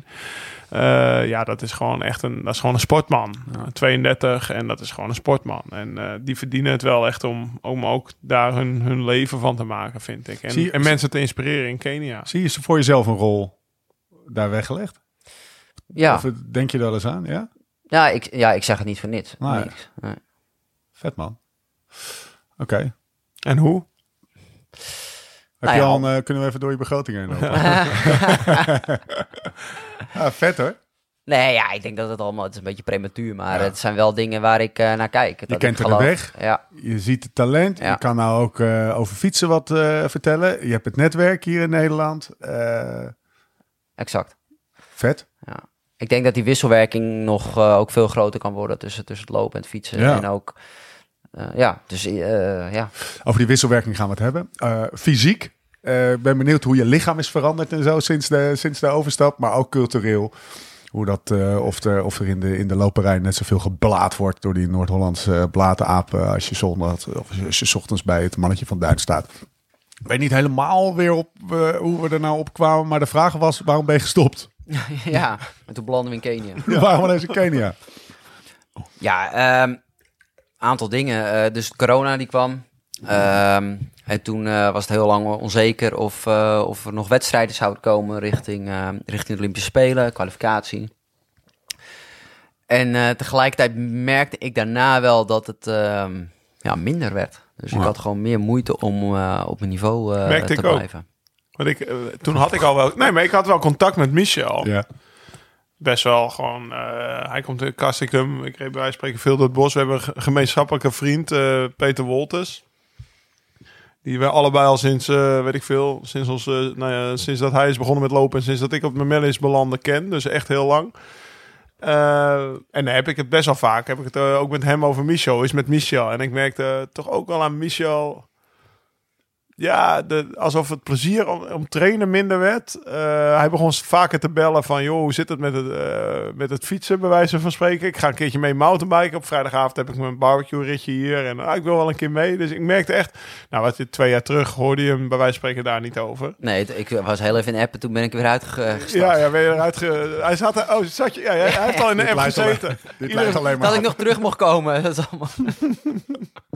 Ben je eruit gestapt of eruit geflikkerd? Nee, ik ben eruit gestapt toen. Nee, maar Ik zei van jongens, eh is tof, niet maar ik kom, mij. ik, ik kom Ja. nog een keer terug. Ja, dat was dus een app van, nou, we gaan vrijdagavond weer fietsen en bier drinken. En daarna gaan we lekker eten. En dan hebben we een feestje hier bij, het- bij, bij het vuur, bij, bij de barbecue of bij de firepit. En dat was toen nog niet echt voor Michel, want toen zat hij echt nog volop in zijn prestatiemodus. Maar ik merkte ook al in 2020, denk ik, dat dat minder werd. Je begon wat meer ook om je heen te kijken. Het was Ja. ook... Nou, weet je, op een gegeven moment ga je relativeren. En dat Ja. is eigenlijk dodelijk. Dus Ja. je gaat meer nadenken over het leven, toekomst, corona. Ja, eh, weet je, als topsporter moet je gewoon in je flow blijven hangen. En dan moet je gewoon trainen, eten, slapen. Zo simpel is het. En ehm, ja, ik was ook bezig met mijn toekomst. Ik, kreeg, ik had ineens geen inkomsten meer. Ik had nog een sponsorcontract lopen tot het eind van het jaar. Ehm, ik, ik, ik, ik haal mijn geld eh, uit start- en prijzengelden. Maar ja, er waren geen wedstrijden. Dus ik ging ook nadenken van... oké, ja, straks eh, gaat dit nog even door. En dan eh, heb ik straks geen inkomsten meer. Ik heb toch een huis en een hypotheek. Het Dus verdienmodel van de BV Butter werd even tegen het licht gehouden. Zeg. ja, ja, exact. En eh, ik was nog niet zo ver dat ik alleen maar eh, op, het, eh, op het jaarsalaris van mijn vriendin kon leven. Die, eh, die lerares is drie dagen in de week. Dus ehm, ik denk dat dat ook een, een grote Ja. rol heeft gespeeld. Maar tegelijkertijd, het, het ging gewoon inderdaad wel moeizaam. En ik denk dat de, de, als, je, als ik erop terugkijk, en die, daar gaan we zo over hebben van het plezier. Dat ik denk dat dat ook een, een grote rol heeft gespeeld in de, in de beslissing. Want eh, eh, weet je, het was op een gegeven moment, ik deed de, ik ben op de NK 5000 meter, NK atletiek. Nou ja, ik heb daar een aantal eh, titels gewonnen en ehm, het ging allemaal moeizaam en ik had overal last en ik had mijn rug en het liep, het liep stijf. Even, het, het, gewoon, het ging gewoon niet. En ik werd bijna gelapt. Dus het Holy scheelde shit. echt. Ik denk dat, ik weet zeker dat het in beeld was op Studio Sport. Ik denk dat Leon Haan zo vriendelijk is geweest om me net, nog net uit beeld te houden van, nou, dit ga ik hem niet aandoen. Maar het was voor mezelf wel ehm, dat ik dacht van, nee, Dieptepunt. Dieptepunt, ja. En toen heb ik eigenlijk een paar dagen later gezegd tegen mijn trainer... ja, we moeten even, eh, tegen Guido Hartensveld... ik zeg, we moeten even zitten, want eh die moeten even bespreken. Was je er toen al uit? Nee. Ehm, nou ja, in die zin wel, van dat ik zei van... Nou, ik, twij- ik had al een keer eerder, een aantal maanden eerder gezegd... dat ik twijfelde in 2020, van hoe lang ik nog door wilde gaan. Dus dat is al een eerste moment. Relativeren, relativeren. ja, ja. Ehm, en dat we zaten, aan- we zaten aan een, een tafeltje en ik zei van, eh, joh, ik, ehm, ja, ik weet niet of ik, eh, hoe, ik, ik, ik weet het niet. Dit was wel echt, het wordt moeizaam. Ik moet in december, wil ik me kwalificeren voor Olympische Spelen. Maar als ik nu kijk, ben ik verder weg dan ooit. Dat is nog drie maanden. Eh, pff, het wordt allemaal heel lastig. En uiteindelijk zat ik een beetje een soort van... Oké, ja, volgens mij moeten we stoppen. Toen werd ik ook emotioneel. En het was het zo van, ja, nee, het zei van, weet je, als het klaar is, is het dat gewoon klaar. Ja, ja. in, in- als het klaar is, is het gewoon klaar. Want ik voelde gewoon wel van, ah, het is klaar. Ja. Ehm, Omdat je fysiek klaar was en kwam, kwam, allebei. kwam zeg maar de, de, de, het relativeren kwam daardoor. Dus de, het fanatisme, het ja, plezier. Was Ja. dat daardoor of had het gewoon direct met elkaar te maken? het had met prestatie te maken, het had met toekomstperspectief te maken. Ja. Van hoe gaat het langer door? Eh, met het niveau natuurlijk wat ik op dat moment had. Het was, het was al een beetje af en toe gewoon terugkomen. En dan wel, uiteindelijk dan was het wel weer oké. maar het was niet meer echt de stappen maken. Het kostte gewoon moeite. Ja. Ehm, hoe, lang, hoe lang duurde dat? Is dat? Ik snap dat dat niet van de een of andere dag er is, maar heb je daar een jaar mee rondgelopen? Nee, nee, nee, nee. Veel korter. Ja? Veel korter, ja. Nee, dat is niet een, een of andere frustratie geweest. Nee. Dat is echt, eh, ik denk met een paar maanden. eh, eh, misschien, eh, alleen, alleen, we zaten daar en toen was het nog... Oké, ehm, toen gingen we... Het was grappig, want uiteindelijk was ik heel erg aan het twijfelen. Ik werd emotioneel en, en, en, en, en voordat ik het wist zat ik alweer met de klapblok. Oké, hoe, kunnen we, hoe kunnen we nog de trainingen, hoe kunnen we nog de volgende stap maken? Eh, hoe kunnen we toch alles nog rechtbreien? En, en toen zat ik s'avonds, ik zat thuis en in één keer... Ik kon niet slapen en na dat gesprek om drie uur s'nachts dacht ik gewoon... Nee, het is klaar. Ik heb er geen zin meer in. Het is gewoon prima. Ehm, Een ja, mooi proces, hè? Dat is echt, eh, ik vind het heel interessant om te, om te horen Wat- dat het gegaan is. Wat gebeurde er toen? Toen Ja. je zei, ik, ik ben gestopt. Wat, wat gewoon eh, praktisch in je leven, in je hoofd. Wat, wat gebeurt er? Wat, welke mechanismen treden dan in werking? Zeg maar? Nou ja, het eerste, het eerste, ik ben gestopt, is voor jezelf de beslissing. Ja. En daarna de volgende, eh, ik heb niet mijn vriendin wakker gemaakt, Inge, maar ik heb de volgende ochtend gewoon gezegd. Ik zeg, ik ben eruit. Ik stop, het is klaar. Ehm, dat is al het fijnste. Dat je Ja. tegen je meest dichtbijzijnde persoon natuurlijk eh, zegt. En ook omdat zij natuurlijk wel een beetje die laatste maanden die struggle ziet. Eh, ik ben eh 14 jaar met haar eh, lang samen. Echt alles stond in het teken van mij. Eh, dus dat is voor haar dan ook duidelijk. Zij had ook altijd gezegd, hè, van, weet je, als je ervoor gaat, top. En ik ben alle liefde, als je dan weer eh, drie weken na de geboorte van je dochter naar Kenia vertrekt met je spullen, helemaal prima. Maar wel 100% en Gaat er niet alles. half voor. Gaat er niet half voor. Nee. Eh, en dat, dat wilde ik mezelf ook niet aandoen. Dus daarom is het ook maar voor mijn gevoel eh, een paar maanden geweest. En duidelijk van ja, dit wordt half werk. En dat Ja. wilde ik niet. Dus praktisch gezien, eh, uiteindelijk een paar dagen later weer met Guido gezeten. En duidelijke eindbeslissing. En een paar, paar goed, goed bier gedronken in, in Castricum. En half lallend naar huis. En hebben gewoon geproost op een onwijs mooie tijd samen. En een mooie carrière. Maar Ah, dat is wel apart, hè? Want bij, in het, ik zit te luisteren, want bij, bij mij is het ook een proces, weet je. Ik wist bijvoorbeeld eh, altijd wel in februari of, in, of nou, bij wijze van spreken, na de ronde van Catalonië wist ik vaak al, nou, ik ga, ik ga proberen bij te tekenen. Dan wist ik al. Ga door of niet? Ja, en in mijn laatste jaar, in 2019, toen wist ik ook naar Catalonië, nou, dit was het. Maar dan kan je nog wel het jaar afmaken tot, nou ja, we hebben transit gemaakt naar Lombardije. En dat is wel een ander beslisproces, zeg maar, dan, dan Michel, die gewoon zegt, nou, ik stop. En dan stop je. Op dat, ja, jij stopt een dag later, was je gestopt. Ja. Even, Ja, maar, jij, en, jij, maar jij, en jij hebt het ook een keer gehad. Want ik weet ook nog wel een keer dat we hier waren. En dat ik tegen je zei van... Lau, je hebt onwijs druk met van alles. En toen zei, je, zei ik ook van... Maar wat ga je nou doen? Weet je wel? Wil je nou nog eh, vol ervoor gaan? Of, eh, Ja. of ben je nog een beetje half aan het werk... en veel met dingen bezig? En toen ben je nog een keer een jaartje voor de Giro, denk ik, volgegaan. Ja, ja, dat, nou, dat, dat jaar, ja. Eh, dat was ook... Mijn laatste jaar. Gevaarlijke vraag, maar graag een eerlijk antwoord. Kan je in het wielrennen makkelijker meebollen, tussen aanhalingstekens, met 80% motivatie versus een tijdsport waarin je gewoon... Ja, 100% antwoord is 100% ja. Ja.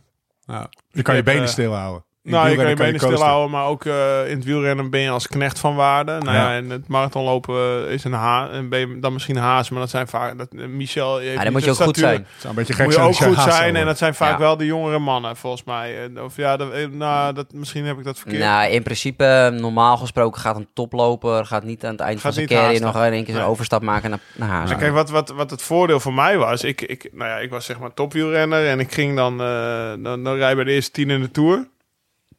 Maar dan kan je twee jaar later nog voor Warren op kop rijden en zorgen dat je er iedere slotklim... Kijk, ik wist wel, tot aan de vloed, voet van iedere slotklim kom ik wel. Dus hij heeft een eh bergtap vier, vier calls en nou, drie overleef ik er wel.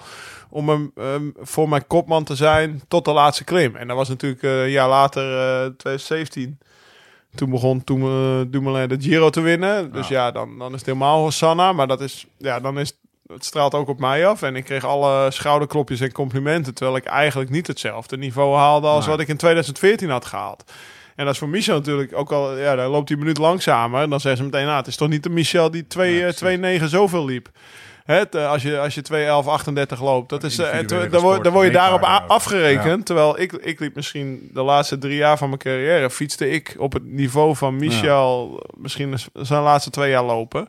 Alleen, ik kreeg wel de complimenten, de pluimen, eh, het schouderklopje van Dumoulin, van mijn ploegmaat. En toen heb ik inderdaad nog één jaar voor de Giro 2019. Toen reed ik bij CCC, dat was mijn laatste jaar, want ik was een beetje bij Sunweb weggegaan omdat eh, we, we matchten niet meer. En eh, ik weet nog wel dat ik toen alles op alles zette, ook om voor mezelf om weer, nou ja, nog één keer. Ik ging op hoogte in mijn eentje. We hebben een podcast gemaakt terwijl ik Ah. daar op de Sierra Nevada zat. Ik ging trainen. Ik was weer mager of ik was, ik was weer op, op, op, op, op, op top 10 gewicht. Ja, toen viel ik in de Giro in de eerste rit. eh, mijn ribben, nou, ik- ze waren niet gekneusd, maar het ging voor geen meter meer. Ah. En eh, ik weet nog wel, ik kwam ook uit de Giro en het, het was klaar. Alleen dan heb je daarna nog een soort fade-out als het klaar is. Hè? Nou, nee, die, die beleef jij nou trouwens misschien ook wel. Maar eh, ik, ik was wel heel blij met die fade-out. Dat ik nog Ja. de Lombardije kon rijden en een soort officieel afscheid van Het komt bij maken. jou vrij soepel, zeg maar. Fade in, fade out, eruit en een- in, in een nieuw leven. Ja, in een maar. nieuw leven. En dat had ik natuurlijk wel voor mezelf gecreëerd. Maar ik kan me best voorstellen voor Michel. Dat ja, je, je ligt daar s'nachts in bed en drie uur zeg ik stop ermee. Hè? En, dan, en, wat, en dan? Ja. Hè, dan, Ja. dan, dan ben je mij een keer op, ja, ik ga fietsen. Maar toen had je ook nog niet het idee van, nou, van dat fietsen, eh, ik ga wel lekker fietsen. En, maar ja, het, eh, niet als dagbesteding. Dagbesteding lekker door het bos fietsen met de groep van Lau, dat is natuurlijk niet, eh niet sustainable. Ik denk, dat dit, ik denk dat dit een mooi moment is om eh, even de switch te maken naar, naar de fiets. Want die fiets heeft jou ook in het lopen weer wat gebracht. Ehm, eh, maar we gaan eerst even luisteren naar een berichtje van onze vrienden van Futurum Shop. Ben jij aan het trainen voor die treat met vrienden? Ben je op zoek naar iets nieuws? Of is je fiets gewoon aan een opknapbeurt toe? Bij Futurum Shop ben je aan het goede adres. Voor bikepackers, gravelaars, voor mountainbikers en roadies. Het grootste assortiment, altijd gratis bezorgd. En voor 11 uur besteld, volgende dag binnen. Neem meteen even een kijkje op futurumshop.nl slash liveslowridefast. Ons eigen hoekje binnen Futurum Shop, waarin Lau en ik onze favoriete spulletjes hebben gezet. Van lampjes tot droogvoer, van de beste fietstassen tot sportvoeding. Zeker even checken dus. En alsof dat nog niet genoeg is, luisteraars van de podcast krijgen nu bij een bestelling vanaf 75 euro tot en met 18 november direct 10 euro korting hele assortiment. Gebruik hiervoor de code podcast. Ga dus naar futurumshop.nl slash liveslowridefast. Gebruik de code podcast voor een mooie korting. Door met de show. Ja, ehm, de fiets. Ja. Toen was daar de fiets in jouw leven, Michel. Hoe vaak, eh, hoe, hoe, hoe, hoe is die in, jouw, in je leven gekomen? Nou, eh, dat dat was niet zozeer toen ik stopte. Dus dat Nee? was al eerder. Ja, eigenlijk, ehm, ik was toen, ik heb ben een hele lange tijd eigenlijk eh, geblesseerd geweest. Ik had een stressfractuur in mijn heup. Dat was in 2013. En daar ben ik echt anderhalf jaar eh, ben ik eruit geweest. Alles bij elkaar. Met weer terugkomen. Weer, ehm, maar in ieder geval vlak na die eh, stressfractuur kon ik eerst in die heup kon ik eerst helemaal niks doen. Nou, dat is echt het allerergste. Gewoon niks doen als sporter. Dat eh, was wel. Dat was, dat was wel echt een van de zwaardere momenten in, mijn, in mijn leven. Ja, Ja. als het zo belangrijk Ja. is. Ehm, en toen ehm, mocht ik weer beginnen. En toen heb ik eigenlijk de racefiets allereerst opgepakt. Een wegfiets had je? Een wegfiets. Ja. Dus ik kon zo eh Wat was dat via, fiets? via- een Stevensfiets. Hoe Dus, zag die eruit? ehm, wit, rood. Eh stuurtje net even te hoog. Ja. Eh, dat ik goed rechtop zat. Want ja, ik mocht natuurlijk die, die graden van mijn heup mocht ik niet goed maken. Ik Oh, was ja. sowieso een stijve hark in mijn rug. Dus alles, ja, ik zat, hoe zat ik daarop? Ja, als een toerist ja, kan ja, ik zo ja, voorstellen. Ja. Ja, nou, Wat over- jij? Michel. Ja, eh, bij Michel zag je in het begin dat hij kwam fietsen, zag je duidelijk dat het een loper was. Ja. Op een, eh, Maar en- we hebben het over 2014. Ja, wat- ja, nou, 2000 toen, toen reed hij misschien, eh, volgens mij in mijn beleving reed Michel, maar dat, dat kan mis zijn, oh, misschien drie, vier keer per jaar best wel een tochtje op die fiets. Nou ja. Eh, zeg maar dat hij bij wijze van spreken met ons meeging. Maar eh, Peter Wolters fietste meer mee. Maar jij, maar die lopers, die, toch hebben ze over het algemeen ook wel iets onderling met fietsen of zo. Want volgens mij Ja, ging je één nee. keer per jaar... eh, nee, het was, fietsen we, je ging eerst aquajoggen in het zwembad, want dan, dan bootste je nog het Ja. meeste de loopbeweging na. En daarnaast deed je wat alternatieve training aan. Ja, weet je, als je dan eh, anderhalf uur ging fietsen, dan werd het al wat. Ja. Eh, het is wel leuk, want dat was ook de eerste keer dat ik eh Laurens heb ontmoet eh, in 2013. Want Ja. ik was wel een beetje aan het fietsen en dan ging ik met zo'n clubje mee eh, op de zondagochtend in, eh, in Limmen. Ja. Ja, ook geweldig. Nou, ik kan er nog een verhaal over vertellen. Maar in ieder geval, eh, toen zei eh, Laurens tegen Peter, volgens mij, van... Nou, weet je, als Michel zo lekker aan het fietsen is, laat hem eventjes mijn kant op komen naar Maastricht. Maastricht. Nou, en toen had ik al meteen door dat het sociale gasten was. Want het was notabene zijn vijfjarig, wat is het, huwelijk was het? Hij was vijf jaar getrouwd, dus ik werd gewoon meteen uitgenodigd. Hij mag wel blijven pitten. Dus en dan gaan we samen gaan we, gaan we fietsen. Dus ik ben eerst, eh, we zijn er naartoe gegaan, was op een zaterdag. En ik ben met Peter toen een rondje gemaakt. Ehm, S S'avonds eh, hebben we dat, eh, dat feest gevierd. Het was eh, een mooi feest. Dat een goed feestje. En toen hebben we de volgende dag gefietst. Ja. En dat was een beetje mijn eerste kennismaking met het fietsen. En toen zijn we een beetje door het Limburgs landschap eh eventjes op gaan rijden. En, eh, Kon We dokter hebben Pot zo een beetje fietsen? Nou, Dat ber- ja, het, is gewoon echt een, het is gewoon echt een lopen. En toen ook, eh, weet je, we, we hebben, we hebben hem eh, dit, dit, de- een paar maanden terug, of nou ja, zeg eh, anderhalf jaar terug, ook nog meteen een fietsmeting aangesmeerd, bij wijze van. Want ja, het, het zag er niet uit op de fiets. Echt niet. Beschrijf eens. Ja, beschrijven is, nou ja, wat je zegt, stuurhoog, een beetje hakkerig fietsen. Maar nu, nu is het al heel anders.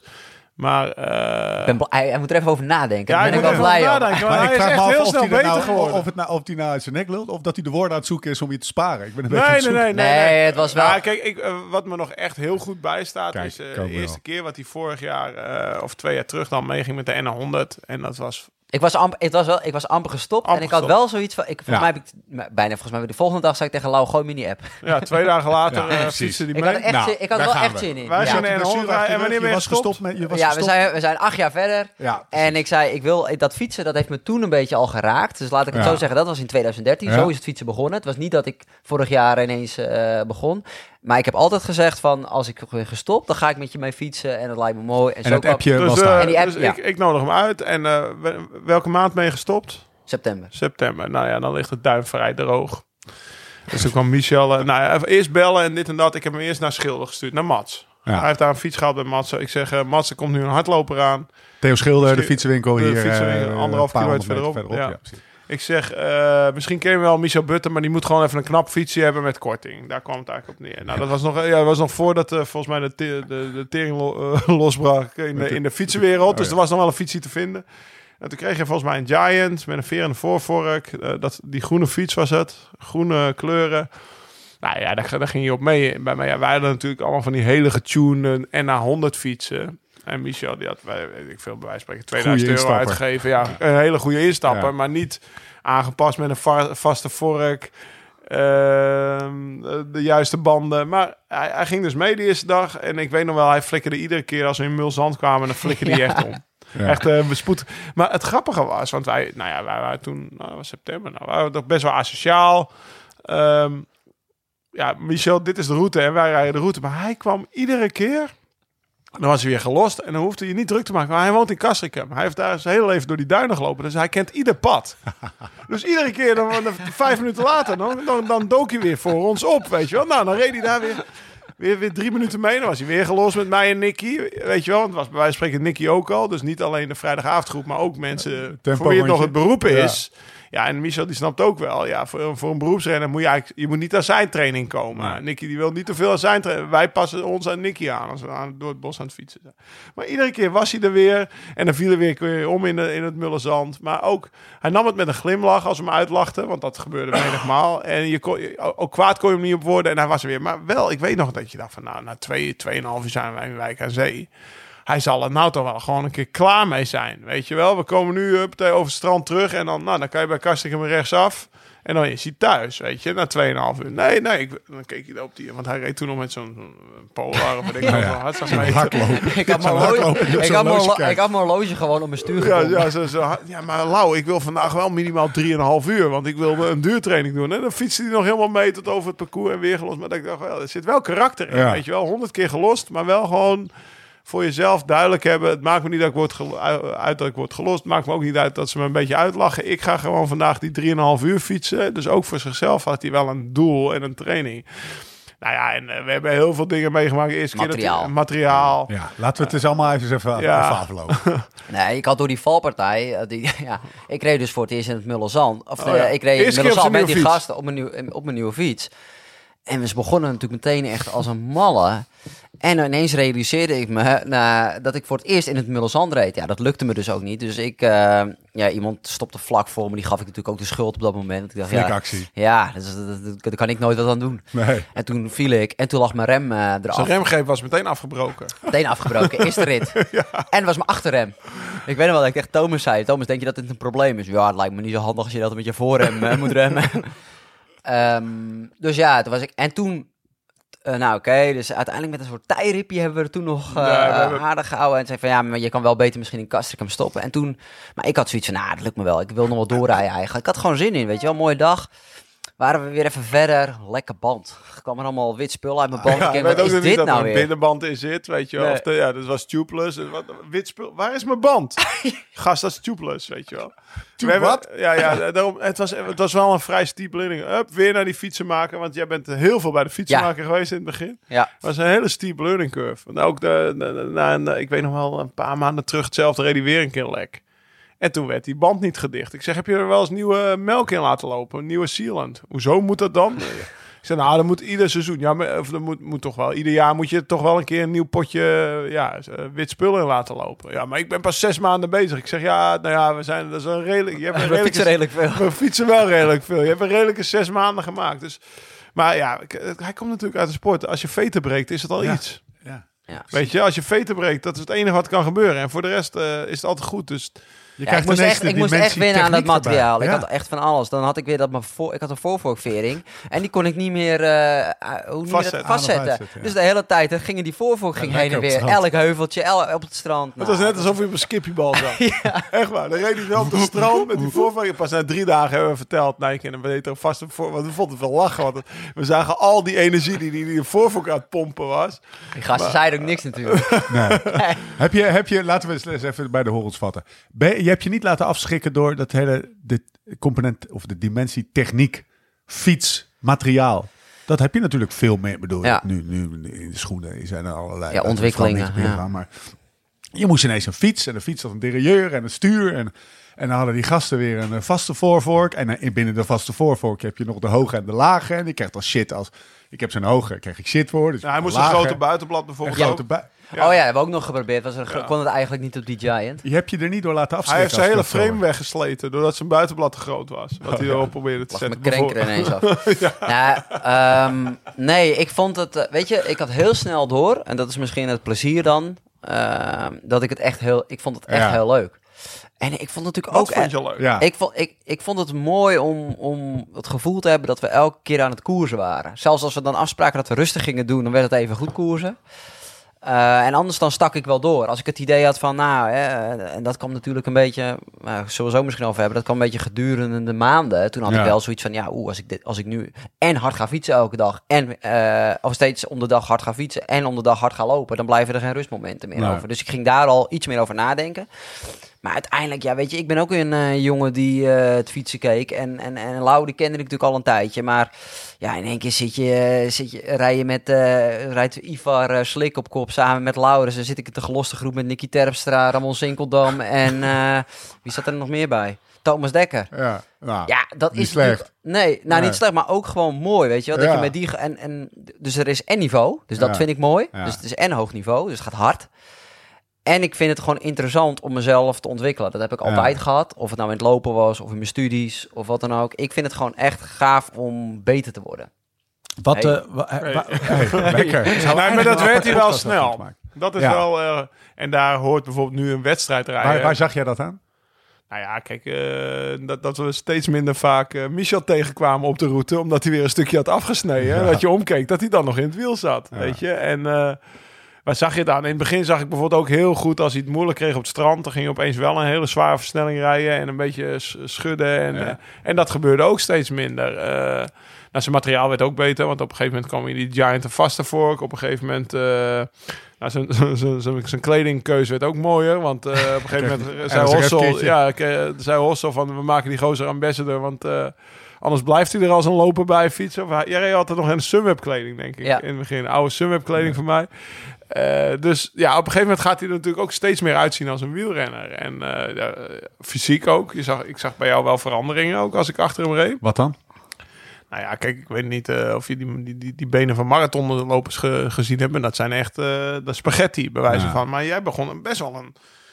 Je merkt ook wel, hij heeft talent voor training. Hè? Dus wa- wat hij veel doet, wordt hij goed in. En op een gegeven moment zag je best wel gewoon bovenbenen en, en een kont, weet je wel. Of, eh, ko- geen grote dikke kont, kontje. maar een gespierd kontje. ja. een Sam Omer kontje. Ja, ja, precies. Laat ik het zo ja. zeggen. Je een hè? mooie kont? Ja, ja, rond, gewoon rond maar klein. rond maar klein. Ja, Ja. precies. Maar wel anders dan de kont van een marathonloper. Ja. Dus je zag wel gewoon wat fysieke verbetering. En eh, nou, wat ik, waar ik vooral van... Verbetering ook hè, voor een fietser dan. Ja. Nee, maar waar ik vooral van, van geniet, weet je, eh, is, is Michel. eh, hij weet zich ook wel staande te houden in het alfa-mannetjes hoge apenrotsgehalte van, bij wijze van spreken, de vrijdagavondgroep of de, de, de en de Noord-Hollands bestgroep of weet ik veel als hij een keer mee is. Dus Is dat het, is dat het grote is- verschil tussen... We gaan een beetje van de hak op maakt niet uit. Want er zitten allemaal lekkere dingen tussen. Is dat het grote verschil tussen hardlopen en fietsen? Dat, dat, ja, dat, dat er zitten gewoon haantjes. haantjes. Continue geblaad. Ja, Ja, ja. heerlijk. Maar ik, ja, dat, past me goed. Ja. Ik vind het wel mooi. Ja, Ja, ik, wat ik, da- daar genoot ik nog het meeste van. Gewoon een beetje elkaar gek maken, eh, elkaar eraf rijden en dan eh, wel daarna gewoon eh, gezellig doen. En, Heb je wel eens gedacht, ik vind het eigenlijk wel leuker dan lopen? Oeh. eh, Oeh, ja. nou, dat weet ik niet zo goed. Ik denk dat het een, een beetje een nieuwe impuls was. Ja. Dus ik vond dat, ik, weet je, uiteindelijk ben je altijd op zoek, volgens mij in je leven. Als het op een gegeven moment, eh, als je dingen te lang doet, Ja. dan worden ze toch een beetje saai. Ja.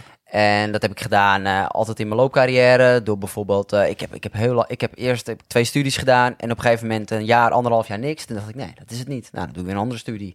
Of eh, eh, ik zat altijd bij, eh, bij TDR, dat was mijn basis. Maar ik ben ook een keer naar Manchester gegaan om daar met een groep samen te trainen. Ik ben naar Kenia gegaan. Dat vond ik allemaal wel hele gave dingen. En volgens mij moet je wel altijd op zoek blijven gaan naar nieuwe prikkels en naar plezier. Dus als jij voelt het wordt saai, heeft het bij jou de uitwerking, dan ga je ook echt daadwerkelijk op zoek naar. Dat doen heel veel mensen ook niet, hè? Die, die Ja. accepteren die saaiheid. Maar Ja, ja, ja. accepteert het niet. Ja, Nee. terwijl, terwijl, wat je net zei, ehm, topsport is trainen, eten, slapen. eh, En that's it, punt uit, zei je net ergens in het begin van de podcast. En Eugene Jansen, die vertaalde dat naar topsport. Die- is die Eugene. Jansen, mijn, mijn Oude oude trainer. fietstrainer. Maar ook een, best wel een, een, een, een naam in het marathonwereldje, denk ik. Dus die ooit bondscoach marathon geweest. Het is voor mij te lang geleden. Ja, is heel lang geleden, jaar 80. Gerard Nijboer, die tijd. Eh, Zelf ook 2,27 gelopen. Dus ik was aan het wachten tot een wielrenner sneller had gelopen dan mijn oude trainer. Maar die Ja. kwam maar niet. Nee. Eh, maar die zei, topsport is de kunst van het saai zijn. De kunst van het saai kunnen, of zeg maar, iedere dag vijf uur op de fiets zitten, is natuurlijk Ja. best wel, klinkt Ja. heel saai. Maar dat leuk maken, of dat, dat accepteren, en dat, dat, dat is goed. Eh, want dat, dat is wel wat ik heb gedaan. Maar ik vind het wel grappig dat, dat Michel, die heeft gewoon wel een beetje aan het Er is een zeg maar, die oude wereld. Ja, hij heeft wel aan mijn oude wereld geproefd. En Ja. hij ziet ook, want hij is dus ook met mij en, en Ivar en Nicky mee geweest. Dat zijn zeg maar wel de, de mannen die er hun beroep van hebben gemaakt. Maar dat is ook niet saai. Dat is misschien Nee. nog wel iets anders sfeertje dan de, de vrijdagavond braaigroep, om het zo maar te zeggen. Maar het is niet saai. Nee. En, en Maar je ziet Nicky, zie je ook genieten als we met 15 man Ja. of eh, door die bossen rijden. En hij heeft weer een mooi eh, rondje uitgezet met een hond. Altijd anders. Ja, Echt altijd En- een avontuur. ja altijd een avontuur. Ehm, dus hij, eh, je ziet ook dat hij- ja, je moet gewoon van die momenten hebben dat je eh, regelmatig geniet. Ik, en het heeft ook met karakter te maken. Hè, want eh, vorige week was ik eh, was leuk, was ik in Nijmegen, zat ik met, eh met Elliot Kipchoge. En die, eh, die, da- ja, die doet al echt al 25 jaar hetzelfde in hetzelfde kamp, dezelfde trainingen. En toen zei ik ook van ja, hoe ga, hoe ga jij op zoek naar eh, nieuwe prikkels? Zo, nou, hij zegt I nee, don't. hij, nou, dat, I don't give a shit, zei hij niet. Maar hij zei wel van de manier om goed te worden is gewoon structuur. Trainen, Ja. eten, slapen, elke dag hetzelfde in het kamp. En ja, dat past hem heel goed. Ja. Dus het heeft ook met karakter, denk ik, eh, te maken. Want ja, dus- Ja, dat is wel waar. Maar Nicky heeft natuurlijk ook structuur. Alleen daar hoort dan die NA100 wel in. Ik bedoel... maar dat doet hij ook al heel lang. Ja, nee, ik, eh, als ik terugdenk naar mijn eigen, eh, zeg maar, dus twee haakjes gloriejaren, maar de jaren dat ik echt hard reed voor gevoel, 13, 14, 12. Toen was eh, Jens net geboren. Nou ja, wat deed, Tess die werkte vier dagen in de week in, in, in Gulp op school. Jens ging naar de crash, die vier dagen sowieso. Ik ging soms om 9 uur trainen en ik was of om 12 uur of om 2 uur of om 3 uur terug. Nou, dan lunchte ik goed. En dan wachtte ik tot Tessa was.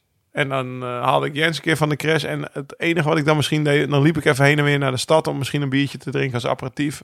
Maakte ik eten s'avonds en dan ging ik slapen. Maar dat deed ik Dat deed de hele winter door. En ik, ik vond dat niet saai. Het klinkt misschien best wel saai. Want wat deed ik? Ik ging fietsen. Ik lag twee op de bank. En dan ging ik met mijn vrouw en mijn kind even de stad inlopen.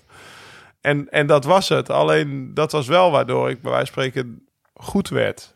Maar het, was, het klinkt misschien ook wel saai, weet je wel. Nou, maar het ik is de manier. Het is de manier. Het is Natuurlijk, want die rondjes die ik deed en ik had me, ik, ik, ik fietste met Martens, met Tankink, met Kroon. Het was, we probeerden het wel, het saaie wel gezellig te maken. Ja, het klinkt eerder als, dan als gestructureerd. Ja, en, eh, gestructureerd. en, en sommige mensen interpreteren dat als saai. Maar het, wat jij overdag deed, was natuurlijk, en dat zal voor jou niet anders zijn, was heel leuk. Dus ja, Ja, ik vond het heel leuk. saai kan ook heel leuk zijn, Ja. zeg maar. Ja. Als jij elke dag iets doet wat je leuk vindt. Joh, in, in grote lijnen is het het mooiste leven wat er is. Ja. Dus ik bedoel, het is alleen op zoek gaan. maar dat geldt denk ik voor alles en iedereen. Dat je af en toe eh, wat nieuwe impulsen Maar-. En Jij zegt dat is het, eh, het mooiste leven wat er is. En eh, ik denk wel, ik, ik beaam dat. Maar hoe zat het met, hoe ging jij met druk om? Want had jij veel druk? Eh, je, hebt- je zei net van, ja, mijn sponsors, einde contract. Eh, ik, als ik naar het lopen kijk, die, die lopen dan eens in de twee jaar, keer bij wijze van een marathon die erom gaat, of één keer per jaar. Ja, daar staat wel echt veel druk op. Een wielrenner kan Vlaanderen rijden en een week later in Roubaix zeg maar zijn mislukte Vlaanderen nog proberen goed te maken. Maar in een marathon gaat het niet. Hoe zit dat dan? Hoe, hoe ervaarde je dat? Dat heb ik moeten leren. Ik, ik ga vooral heel erg goed op spanning. Dus wedstrijdspanning vind ik echt het, heel, het lekkerste wat er is. Dus als ik in het startvak ga, sta en de schijnwerpers staan op me gericht... dan Gisteren ben ik echt helemaal aan. Ja, ja, Ja. dan ben ik echt... eh, als zo'n wedstrijddag, dan sta ik wel aan, ja. En, en, sommige, en andere mensen hebben daar weer meer moeite mee. Ik heb in het verleden had ik moeite, meer moeite met verwachting, maar dat heb ik, heb ik steeds meer eh, geleerd. En als het met die marathons, ehm, weet je, uiteindelijk heb ik eh, steeds meer daar geleerd om af te rekenen gewoon op hoe ik het in de voorbereiding doe en op de dag zelf. En wat het lastige is, het, onze sport is uiteindelijk een soort van tijdsport. Ja. Maar het is wel het gewoon twee uur inspanning. eh, twee uur en, en tien minuten of twee uur en elf minuten. En ehm, ik heb dan daarbij wel altijd geleerd van oké, weet je, ik moet een tijd lopen voor een limiet of voor... eh, en ja, en, en, en dan moet er ook iets van fantastische weersomstandigheden zijn. Want als het windkracht 4 of 5 is, of Lukt zoals gisteren, dan lukt het gewoon niet. Eh, en, en, en dan voel je natuurlijk die druk van die mensen van ja, maar je, je moet die tijd lopen. En ik heb dat heel snel los leren te laten. En, eh, en me vooral te focussen op van oké, weet je, als ik in de voorbereiding gewoon alles raak is. op. En op de dag zelf ben ik in staat gewoon om met de omstandigheden te dealen en daar het maximale uit te halen. En ik weet gewoon heel erg goed bijvoorbeeld, een proces is ook heel erg van jongs af aan, dat je gewoon weet van oké, zit ik in optimale concentratie? Wat gebeurt er op eh, 10 kilometer als ik er even uitraak? Of heb ik een pijntje of wat dan ook? Of mis ik mijn bidon? Of eh, hoe, eh, hoe drink ik?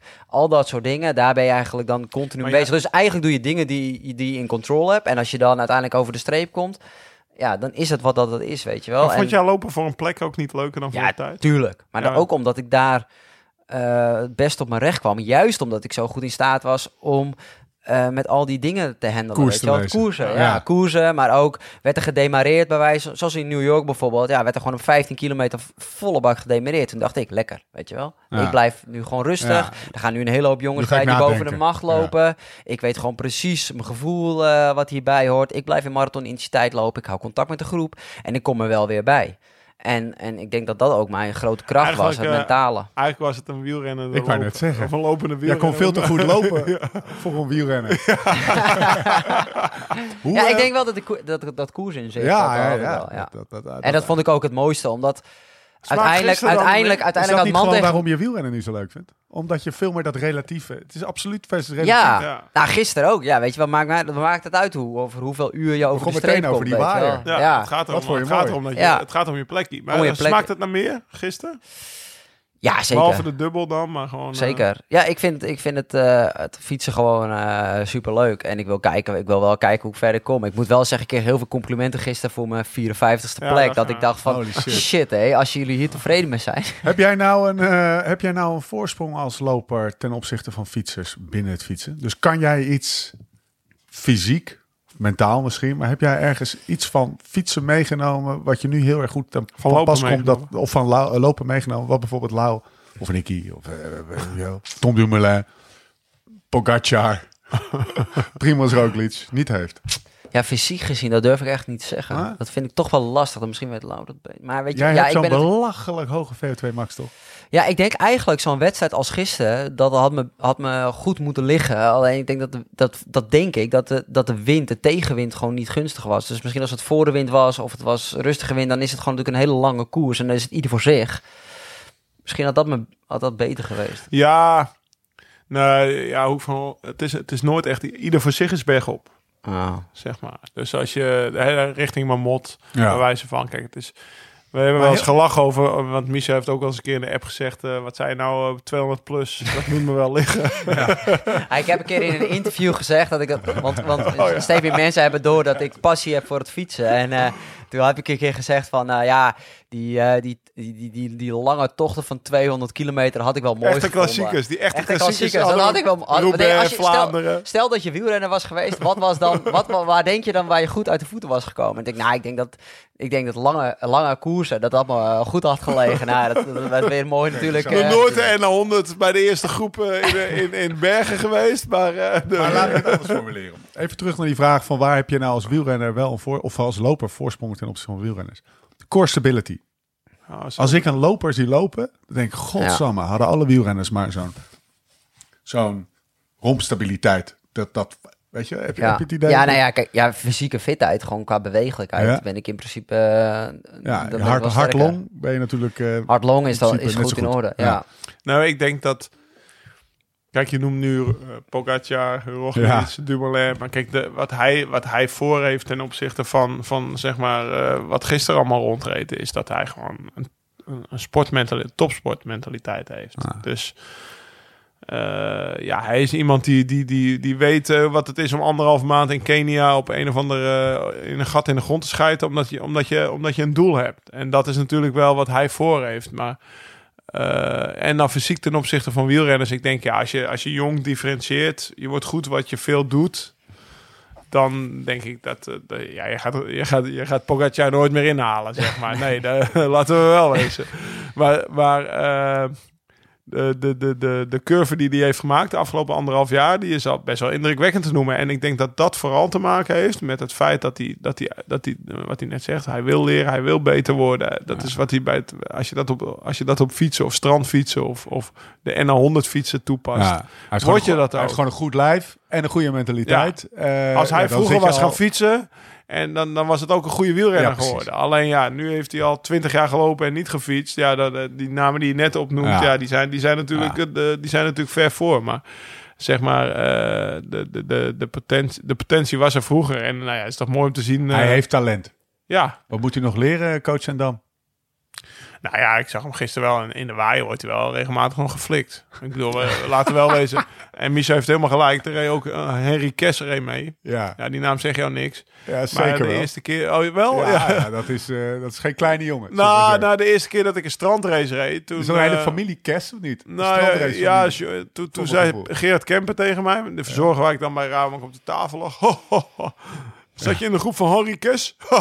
Dat zei hij tien jaar geleden bij wijze van. Die is al 50. Ja, ja, precies. Ja. En, eh, nou ja, die, die, die reed nu nog mee. Die man in, eh, in een rood shirt, een beetje een oudere man. Ik zei, ja, ik heb- ja, echt, Ja. echt hammen. ja. Dus, maar ja, dat zijn mannen die, die weten zich wel staande te houden Ja. in een waaier. En Thomas, die is nu niet in conditie, maar die weet zich ook staande te houden in een waaier. Bij wijze van spreken. Of in die waaier, niet in, de- niet in de eerste.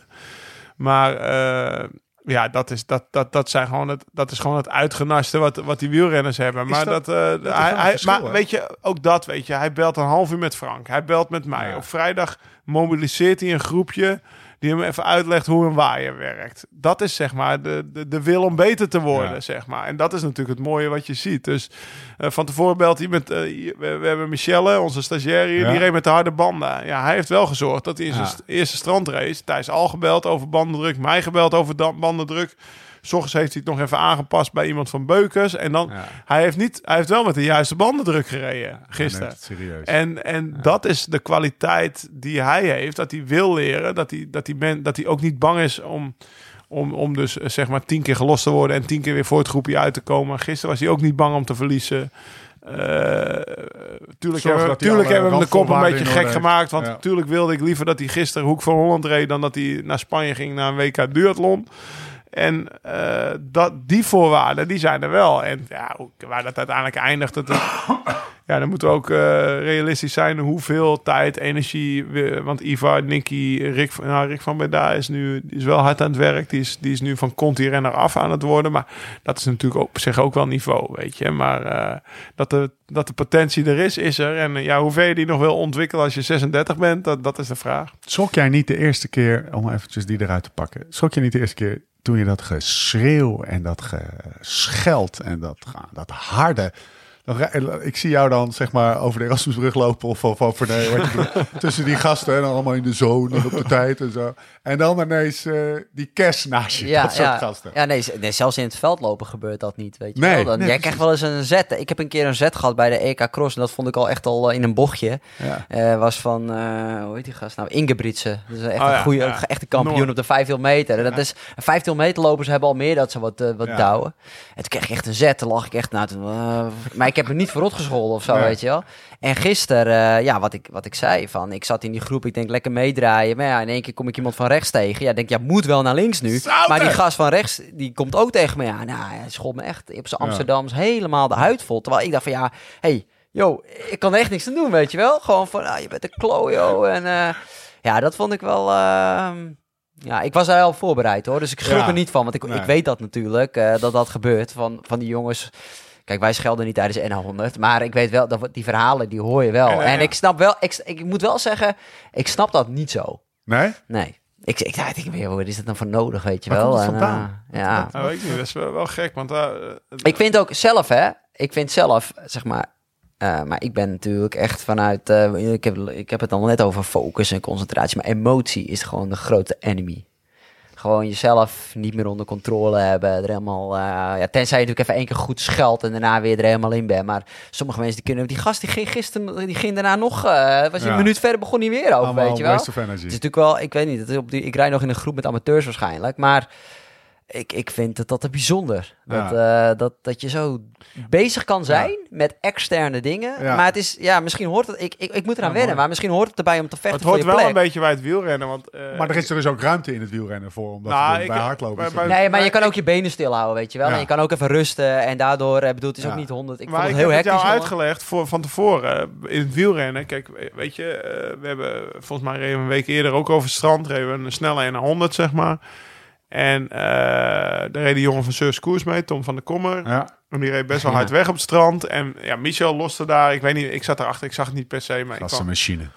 maar Michel loste bij Gisteren hem. niet trouwens, Nee? was je behoorlijk- nee. Oh, Gisteren viel hij tegen. Maar Michel loste daar. En toen weet ik nog wel dat jij na, na afloop zei je tegen me... Ja, maar ik bleef bij wijze van spreken... Ik reed wel daarna de snelste snelheid. Op 100 meter van hem. Ik zei, maar dat is een lopersgedachte. En in het wielrennen telt dat niet. Als je gelost bent, ben je gelost. En dan is Tom beter en jij minder. En da- daar is zeg maar... En, en dat je daarna zeg maar hetzelfde tempo rijdt. Of dat is natuurlijk in het lopen. Want iedereen gaat daar op een gegeven moment... Absolute gedachte in een relatieve Ja. sport. Zeg maar. Ja. ja. Dus da daar moet je van af. En, en, en daar komt dat gescheld ook vandaan, vandaan waarschijnlijk. Want als hij daar gelost is, die man, dan is hij gelost. En eh, in het lopen heb je natuurlijk... Ja, hij denkt, hij, denkt, ja, hij denkt van, eh, jeetje, geef je hem nog een harder kwak, lig ik eraf. Mhm. Terwijl, ja, ik deed, ik, ja, ik, Hij overziet de consequenties Hij- van ja, jou precies, ja, laten. ja. Dus eh, ja, of je daarvoor moet schelden, dat weet ik niet. Het heeft geen zin meer, weet je wel. Nee. Het is gebeurd. Dus, eh, en ik, eh, maar goed, in ieder geval, ik moet, daar moet ik wel aan wennen. Dus ik, ik, ik, ik leer steeds meer, ik leer steeds meer... eh, dat Maar voorbeeld wat. Laurens geeft van eh, wat met Tom gebeurt, ja, dat, dat begin ik steeds beter te begrijpen. Alleen de praktijk Ja. is nog eh, dat ervaren. En ja, aldoende leert men. Even Dat- dat- de- dat is de- ook zo. Voor de luisteraar die nu denkt, nou, ik ga echt nooit de strandrace rijden. Want ik, ik onderstreep dit toen, de eerste keer dat ik strandrace, ik schrok echt. Ik was een beetje een paar rondjes op sloten gewend. Nou, daar zitten de Amsterdammers, die zijn ook niet, eh, die spugen er ook niet in, zeg maar. Maar dit, dit, dit fucking Noord-Hollandse getijzen, niet normaal. Agressief, jongen. Ja, Ik schrok echt. Ik was dus niet op voorbereid en ik, ik was echt, wat is dit? Gasten, doe even normaal. Ik ben echt niet op het mondje gevallen, maar dit sloeg, ik was Ja, echt, oh, Michel wist wat er ging gebeuren. ja ik, was, ik was voorbereid. dat is het Maar verschil. het verschil...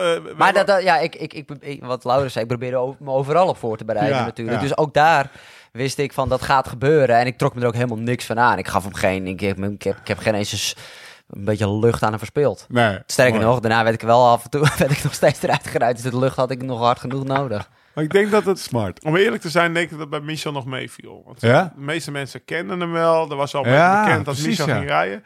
Maar eh, Michel heeft ook een trainingsmaat die eh, als Michel op hoogtestage gaat, want je bent nog naar Vormeu geweest, eh, die met hem meereist, drie weken daar is en dan Jordi. Jordi, Jordi Ja. Hendricks. En die had die, nou, de, Ja, dat is de een jongen, ja, de jongen die hem gisteren wegbracht naar de start, uiteindelijk niet gestart is, maar die zei van, joh, ik zie wel hoe mijn auto terugkomt. Dus die doet best wel veel, voor, ook voor Michel. Best wel eh, ja, een super relaxed Ja. trainingsmaat. Die, die, ja. ja, die zet veel van zijn eigen Ja, precies. eh, interest opzij, omdat hij, Michel... hij is degene die jou filmt, die naast je fietst en je dan filmt. Ja, op- ja. als je en to- een toen ik.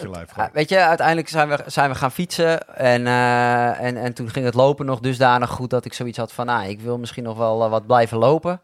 En, eh, en hij is daar eigenlijk eh, continu bij geweest. Ja. Dus hij vond het ook vet. Ik had, was de eerste die, die ik vertelde dat ik bijvoorbeeld nog voor de Olympische Spelen limiet ging. Nou, bla bla bla. Shout-out naar Jordi. Shout-out maar, naar Jordi, Maar Jordi 100%. die had twee weken eerder een strandrace gereden. Ja. Zo kom ik erop. Want Michel, die, die, en die had... eh, die, die, die race zeg maar een dag, twee dagen later met ons die snelle en 100 mee. Of een week later. En die zei, ik ben me toch uitgescholden. Ja. Die, die, die, maar die, die reed een beetje ook... eh, die, zeg maar, die had niet zoals Michel op vrijdag waaierrijden geoefend. Dus, eh, dus die had drie man ook op de bek gelegd in de waaier. Dat was een foto, hè? Dat was een foto. Er is gewoon een foto van, komt ook in de notes, dat Jordi zo een beetje omkijkt. Oh, wat doe ik nu? En dat er dan drie man achter hem op een bek gaat. Maar die, die wist echt, oh, die zei, ik weet ik denk dat hij jou ook wel heeft voorbereid op het wielrenwereldje wat dat betreft, zeg Ja. maar. Dus, eh, Maar laten we nou niet vooral de drempel om mee te doen aan die koersjes. eh, dat doet echt niet iedereen. Maar als je een beetje in eh waaier 1 tot en met eh 10 rijdt, ik zeg maar even wat. Dan gebeurt dat. Gewoon. Maar ja, aan de andere kant, eigenlijk om meteen weer mijn eigen verhaal te ontkrachten. Op het strand gaat iedereen probeert. de- Een van de mechanismes van wielrennen is dat je, dat je in het wiel rijdt en zo voor eh, en uit de wind rijdt. En daarmee eh, zeg maar minder hoeft te doen dan je voorganger. Dus dat, dat principe is of je hard of zacht gaat, is overal hetzelfde. Ja, en het verschil Dus is gigantisch. Overal is het vechten voor je plekje. Ja. Want die wind komt maar van één kant. Dus ja, overal zal er dan, ja, misschien in meer of mindere mate, maar er is overal is ik ben wel benieuwd. van die mini-strijdjes. Er hebben duizend man meegedaan gisteren. Ja. En ik ben benieuwd hoeveel er harmonieus naar de Ja. finish gereden zijn. Ja. Dus eh, daar ben ik best wel benieuwd naar. Maar ik weet wel dat van al die duizend... Nou, minimaal 950 smiddags dus aan dat bokbiertje zaten. Ja. En gewoon een lekker gevoel hadden. Want Misha, wat Misha zegt... eh, ik leef van wedstrijdspanning. Of daar, daar ga ik goed op. Dat, dat merk ik bij mezelf ook wel. Maar ik heb ook wel strandraces gereden. Was ik al prof. En dan rijd je daar in het donker naar Juliana dorp. En dan sta je om half acht in het startvak. En dan denk je misschien bij jezelf, oh, waar ben ik nou weer aan begonnen? Maar dan na afloop. Ja. dan heb je toch altijd een lekker gevoel, weet je wel. En eh, dat is wel iets wat, eh, wat bij mij altijd blijft hangen. En die verhalen. ja, dat is toch mooi. nou ja, we zijn er al twee Is, jaar dat met, is dat met hardlopen ook? Of ga je dan meteen naar huis? Nee, op de marathon is dat ook wel. Ja? Weet je, en het bijzondere met... eh, dat is eigenlijk gisteren is dat natuurlijk ook wel gaaf. Dat en de top en de Ja. recreanten, die starten samen. Dus je hebt... Daar vinden... eh, daar vind, daar ja. vind je elkaar. Eh, al die mensen die nu aan het luisteren zijn, ja, die denken, ja, dat heb ik ook meegemaakt. ja. Met zo'n strandrace dan, hè? Met een Tour. nee, Ja. dus niet met een, eh, een criterium of een, eh, een Nee, maar dat is hetzelfde als wat met gravel is. Ja, precies. Ja. Daarom vinden we gravelrijden tof, omdat in Unbound rijden Ian en Laurens 10 Ja. uur, maar er komen er ook om twee uur s'nachts nog mensen binnen. En daar wordt bij wijze van spreken harder voor gejuicht. Ja. Omdat, eh, omdat alle aanhang van de, en, en alle renners die al binnen zijn, gewoon blijven hangen om een keer te juichen. En eh, op de Er wordt niet eh, gedifferentieerd in... Nou, op de eh, cross wordt de laatste ook toegejuicht, toch? Ja, ja, ja, van de eerste tot de laatste wordt, wordt er gejuicht. En eh, weet je, er is gewoon meer dan een soort van verbondenheid. En je kan veel meer... Iedereen, iedereen die een marathon heeft gelopen, die heeft een Ja. verhaal. Of iedereen die straks de Egmond halve marathon heeft gedaan, die, eh, die heeft dingen meegemaakt. En die heeft het over het strand en die heeft het over het bos. En ja, dat is natuurlijk wel het mooie aan, eh, aan lopen. Bij elk evenement eh, is top, eh, top en recreanten is eh, gemengd. Straks, Ja. ik, ik, ik hoorde dus nu dat straks de Olympische Spelen in Parijs... dat daar ook bijvoorbeeld op de marathon de top en de recreanten Oh ja? gemengd Nee, zijn. joh. Ja. Holy shit. Oh, dat is wel... eh, Dus mensen die kunnen gewoon... Ja, ja, Lau, nog even een paar jaar uh, de trainen. Maar dan kan je gewoon. Olympische Spelen meedoen. op de Nou, met alle respect. Niet gaat doen. het niet worden. Heeft het jou sneller gemaakt? Als, eh, nu even, even terug naar eh, eh, Michel de Loper.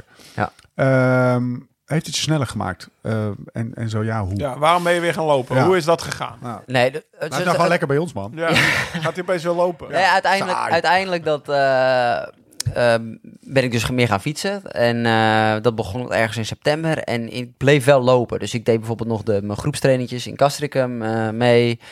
Eh, ik deed af en toe een duurloopje. Maar ja, misschien liep ik 50, 60 kilometer in de week. Ja. En eh, Versus normaal vroeger. 180, 200. Holy shit. Maar ik fietste wel 10 uur. Ja. Dus ik fietste 10 uur en ik liep, ehm, nou, wat zal het dan zijn? Eh vier uurtjes. Ja. Dus 14 uur training totaal. Ja. Lekker als hobby. Ik was mijn maatschappelijke dingetjes aan het opzetten. En ik vond het gewoon mooi. Ik vond het gewoon mooi om, om, om lekker te sporten. En het fietsen vond ik eh, leuk. Maar ik vond lopen ook mooi. Om, en ook om betrokken te blijven bij die groep. En toen deed Even ik echt vind het wel best wel veel voor de leegheid. Dat iemand Ja. tien uurtjes fietst voor de hobby. dit is geen leeg. Dit is geen leegheid. Dat is geen leegheid meer. nee. Ik weet niet. Ja, maar ga door met je verhaal. Ehm, en toen in, ehm, in december deed ik, eh dat was eigenlijk oorspronkelijk mijn afscheidswedstrijd. Godzijdank is die niet doorgegaan. Nee, dat is natuurlijk wel erg. Maar in ieder geval dat het niet mijn afscheid was. Eh, en toen ging ik met een groepje lopen. En toen deden we een halve marathon. Gewoon, nou, we deden Egmond. Dus een stuk op het strand. En daarna gewoon vol gas eh, terug naar huis. Was tijdens de battle, eh, was dat? eh, ja, 9 was dat januari, Ja, ja, ja, klopt ja. Tijdens de, nee, de dag na de battle. Oh, de- want ik heb jullie nog, ik ben nog op het strand geweest om jullie te supporten. En toen de dag daarna deed ik mijn eigen battle met, met een groepje jongens die ja, goed konden lopen. Dus dat waren, geen, dat waren wel echt jongens die, die sterk waren. En ik liep terug op eh, zo de bloedweg en richting de finish en nog even afsprinten. En ik dacht, hè? Ik zeg, ja, dat ging eigenlijk best wel lekker. Ik liep gewoon drie minuten per kilometer. En voor hetgene wat ik deed aan lopen, was dat allemaal, viel dat allemaal ja, tegen. Dat is dus eh, 1 uur 3. Ja. ja. Ja, nee, dat liep ik niet. Maar dat liep ik op de, op de laatste 10 kilometer. Ah, liepen we van, eh, van, drie, van 19 per uur naar 20 per uur. Zo was het wel. ja. Dus de laatste 10 kilometer. En, en toen dacht ik wel van, hé, hey, dat, eh, dat gaat, eh, gaat best goed. En ondertussen had ik wel vanuit eh, Global Sports Communication, die had mij opgebeld. Die zei, van, Michel, Dus Stel even- nou- even een, organisatie. managementbureau van. Jos Hermers, Ja. Oh die heeft het opgericht. ja. En in, die organiseerde een marathon in april. Mocht ik nog niet veel over zeggen. Dat heette de NN Mission Marathon. En die zei van, ja, Michel, is er nog een hele kleine kans dat jij misschien die marathon gaat lopen? Een Olympische limietpoging.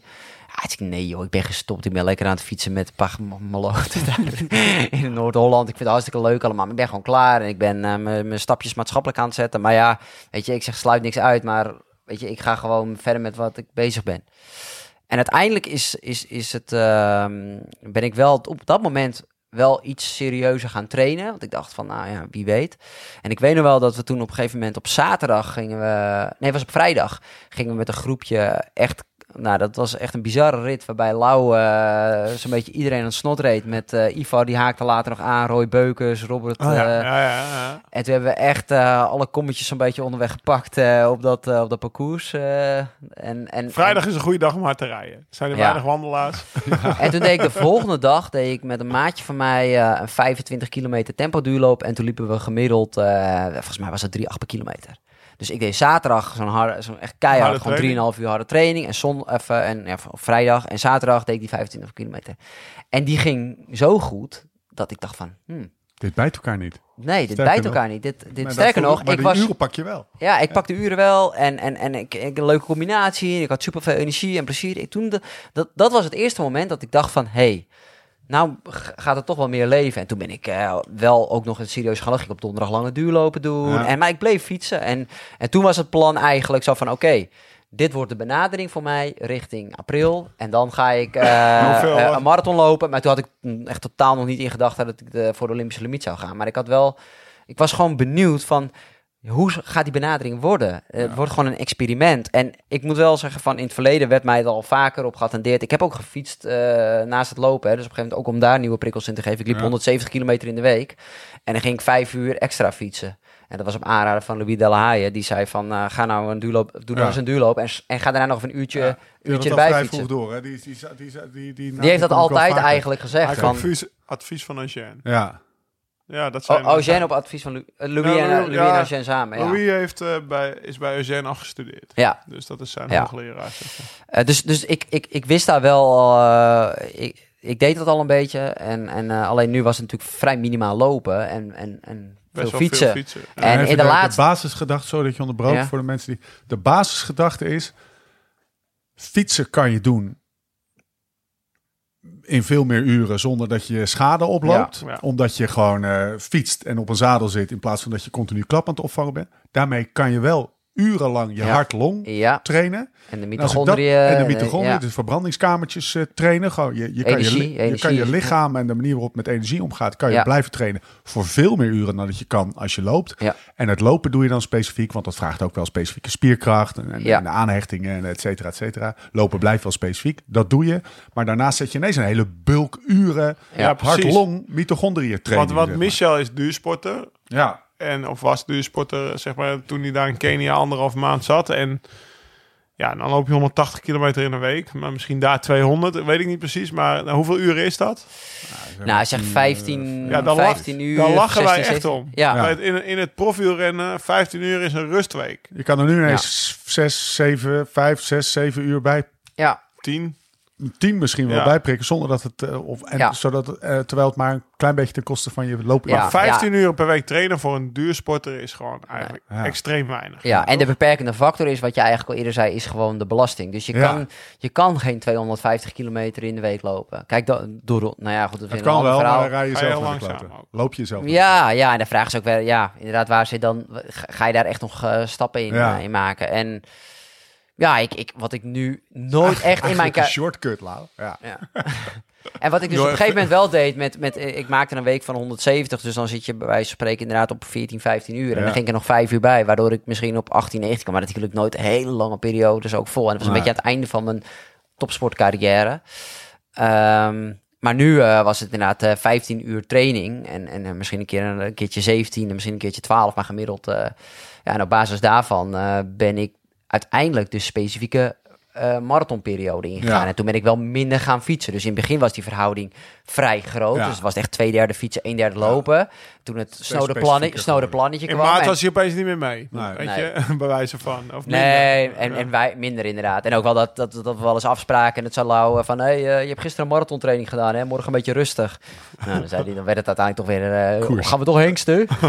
maar dan liet ik hem gewoon gaan. Hè? En dan, dan trok ik me daar niks meer van aan. Want ik had een doel in april. Ja, dat is gewoon een heel gaaf ehm, experiment geworden. En, en, en ja, hopelijk gaat dat ook steeds meer mensen eh, drijven... om eh, het ook op die manier eh, En toen ging die marathon in april ging supergoed. Want Ja. je liep twee... 2.10.30. Ja, dat is dan een- had ik on- onder de limiet. Ja. Een van de drie? Eh, zes, zes. Dus uiteindelijk waren er drie sneller. Ja. Ehm, Oh ja, maar ja, goed, ik had, ik had, het was wel, wel in een andere wedstrijd hoor, want ik was de eerste Ja, Nederlander in die wedstrijd, dus ik liep niet direct tegen ze. En toen, dus oké, dus je liep, je liep sneller dan je had verwacht. 2.10.30. Uiteindelijk haalde je net de spelen, spelen niet omdat er drie sneller waren. En er was een of andere, je moest een powerpoint geven waarom jij dan wel naar de speler mocht. Maar uiteindelijk gingen toch de drie snelste. Ja, dus zo is dat gegaan in, eh, in topsport Nederland. Zie je toch? doen, Ja, je moest je allemaal... doen. eh, Ik had Een echt, soort, soort skate of Eh, ik, had, eh, echt- ik had PowerPoint. echt een wijs goeie, maar ik snap er niks van. En nou ja, de spelen waren in, moet ik het goed zeggen, augustus. Ja. ja, augustus. Maar ja, daar ging je dan niet heen. Toen was er een nieuw doel, de marathon van Amsterdam, oktober. Ja. En dan denk je, ja, nou heb ik het gevonden. Of niet? Of eh, wa- toen ben je naar die marathon van Amsterdam gegaan. Ben je toen nog meer gaan Ja. fietsen of nog Ja. meer gaan lopen? Ja, dus Want Amsterdam ben je uitgestapt. Dus Ja. die was niet 2.10.30, maar was eh, DNF. ja, DNF. eh kut, baal je van. Ja. Wat is er anders? Wat heb je anders gedaan? Heb je te veel gefietst? Heb je te weinig gefietst? Ja. Nee, dus er zit ergens een optimum. Ja. En eh, ik ben nog verder daarin gaan experimenteren van, ja, kijk, laat ik eens kijken of ik nog meer kan fietsen, dus meer uren maken. Ja. Ik ben op trainingstage geweest naar Vormeu met Jordi eh, onder andere. Hebben we twee weken echt eh onwijs veel gefietst, gelopen. Ik heb s ochtends bijvoorbeeld wel eens gelopen en dan 's middags gefietst.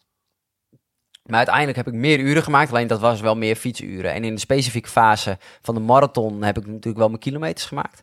Maar in verhouding was het nog extremer dan eigenlijk Ja. richting april. En Dus dacht, dat ik is heb- gewoon... Dat ik is, heb het ei van Columbus. Ik ga het nog meer doen. Ja. En dan is het... Ja, nou, ja, ik, eh, had, ik wist nog niet dat ik het ei van Columbus had uitgevonden, maar wel dat ik dacht van ik wil dit nog eens verder gaan Ja. onderzoeken. ja. Ehm, maar wel ook met het idee, ik bedoel, ik, weet- ik weet nog wel dat ik, eh, we zaten donderdag bij de persconferentie en ik zat gewoon, was volledig van overtuigd dat ik eh, het zou gaan doen. Ja. Weet je wel? En, en, en ja, met terugwerkende kracht blijkt dan wel, uiteindelijk kwam ik in de problemen op eh, 20 en voelde mijn hart- en longsysteem dus gewoon prima. Maar ik kon gewoon niet meer eh, mijn benen rondkrijgen. Nee, dus je had te Eh, weinig... Low, ja, de benen waren gewoon... Nou, Ja, dus, stuk. dus, het- ja, dus ik heb wat aantal trainingen tot 40 kilometer gedaan. ehm, die toen op dat moment goed gingen. Maar ja, achter elkaar op dat harde tempo. En er waren wat tempowisselingen. Het ging niet helemaal super strak. Dus wat je normaal gewoon moet kunnen Ja. tackelen. Want zo gaat het nou eenmaal in zo'n marathon. Oh, Het gaat niet helemaal De strak. marathon zelf ging dus niet helemaal strak. Nee. In Amsterdam. Nee. Ja. maar, dat, maar dat gebeurt Normaal wel je vaker. daar... normaal jij, moet je bent, daar... jij bent daar normaal goed in, toch? Ja, dat moet wel kunnen. En dan ben je beter mee. Dus dat, eh, ja, dat pakt er nu minder goed uit. En ja, dus, dus Ja, dat het- is... dus interessant. ik, vind heb- het... nee, ik vergelijk het met... Joh, ik heb een keer... eh nou, in 2014 werd ik negen in de Tour met 67 kilo. Dus best wel op een van mijn magerste perioden ook. Nou, in 15 ging het er met 66 in. Weet je, of 65. Want eh, als ik zo mager kan zijn, kan ik misschien nog wel magerder zijn. Ja, ik kwam niet vooruit. Weet je wel, dus er is altijd wel een, een, een- dun... Ja, da- daarom heet het ook topsport, hè? Ja, Ja, ik Maar bedoel- heel even, dat, dat ook de luisteraar het nog eh, snapt. Hè? Jij kwalificeert je, probeert je te kwalificeren voor de Olympische Spelen. Lukt niet. Vervolgens komt er een andere marathon. En in die tussentijd heb je het experiment, zoals je het zelf noemt. Lopen combineren met fietsen. Heb je weer getweakt. ja, Wat heb je precies getweakt? Meer fietsen of meer lopen? meer fietsen. Meer fietsen. En nu, richting de toekomst. Dat is één groot vraagteken. Ja? ja? Ehm, kijk, maar dat, eh, het pakt er principe... verkeerd uit dus. Het pakte dus verkeerd Ja, uit. het pakt verkeerd uit. Dus Ja. één ding weet ik zeker. Ja, als ik dat nog een keer zo wil aanpakken, dan Ga moet het weer ik, anders doen. ga ik het wel anders doen. Ja. Geloof je nog steeds in de combinatie? 100%. Alleen, alleen, ik weet niet of, of het... Kijk, ik heb het geëxperimenteerd. Ik geloof dat we dat internationaal... Kijk, Ja. uiteindelijk zijn we best wel wat het stappen een aan het heb je niet maken. aan. Nee. uiteindelijk zijn we best wel stappen aan het maken. Maar dat komt gewoon, gewoon voor een heel, heel, heel groot deel door de technologische ontwikkelingen. Ja. Want ik liep 2.10.30, maar dat, was niet, dat is nog niet het niveau wat ik had van een aantal jaren geleden. Ja. Zo eerlijk moet ik Op zijn. zijn oude schoen. Op de oude schoen, de conventionele schoen. De, de, even voor de Nou ja, luisteraar, de schoen heeft, heeft, heeft een ontwikkeling gemaakt aan la klapschaats. ja. Ehm, Goeie samenvatting. In Ja. één zin. Lekker bezig. wat, ehm, wat ik, eh, wat ik, waar ik van overtuigd ben, is dat we ook nog steeds meer fysieke grenzen kunnen verleggen. We zijn, we, want we trainen, eh, nou ja, 14, 15 uur per week. Ik denk dat, dat dat meer uren kunnen worden en dat alternatieve vormen daaraan kunnen bijdragen. Ja. Maar als ik het doe, dan is het leuk. En dan gaan er een aantal Nederlanders en het leeft wel en dat is mooi. Maar als het internationaal echt wordt omarmd en we daar eh, mensen gaan zien die daar stappen in gaan maken, ja, dan wordt het echt. eh, ja, ik, ik, ik geloof erin dat we daardoor ook weer sneller kunnen gaan. Cirkels rond. Ja, Maar dat is Michel moet naar al? Kenia met een paar fietsen. Ik hoor, nee, maar ik hoor dat Louis zat daar. Ik denk dat Louis de Laai daar zat om dat te implementeren in een of ander Keniaans kamp, fietsen. Een paar maanden terug. Inside info. Ja? ik weet niet of, ik, ik weet niet of ik het in de podcast mag, eh, mag brullen, maar, maak- dat heb ik. Ja, maar ik maak er, ik maak er een... eh, het kan er allemaal nog uit. Maar toch eventjes gewoon... eh, voor de maar we gaan het wel even over hebben. Voor, ja, voor de sake of de flow van het gesprek. Dat is toch ook een beetje de logische... In alle eerlijkheid, we kunnen het eruit knippen. Maar dat is ook de logische gevolg van eigenlijk je betoog. Namelijk Ja, ja, dat je, ja, dat nee, je ja, een alternatieve trainingsvorm... Ja. Ook bij de, bij de grote. En dan niet bij, bij één Michel Butter, maar bij... Bij twintig van die gasten. Ja. En dan kan je gewoon Ja. een programma opzetten en gaan tweaken. En ieder, jij dat machientje, jij dat experimentje 1A, experimentje 1B. En dan ga je een beetje... Ik zie die Louis de la Haye achter zijn knopje zitten, zeg Ja. maar. Wat een fantastisch experiment moet Ja. dat zijn. nou ja, dus als eh, als ik het doe, is het leuk. Maar als het internationaal Ja. groter wordt en, en, en mensen fysieke grenzen gaan verleggen. Kijk, uiteindelijk heb ik het natuurlijk. Het, het voelt voor mij, eh voelde de afgelopen periode niet als, als training. Weet je wel? Ik bedoel, tuurlijk. eh, eh, ja, ik heb, ik heb die uren gemaakt. Maar ik ben een gestopte topsporter. Ja. Die uiteindelijk vanuit plezier dingen weer oppakt.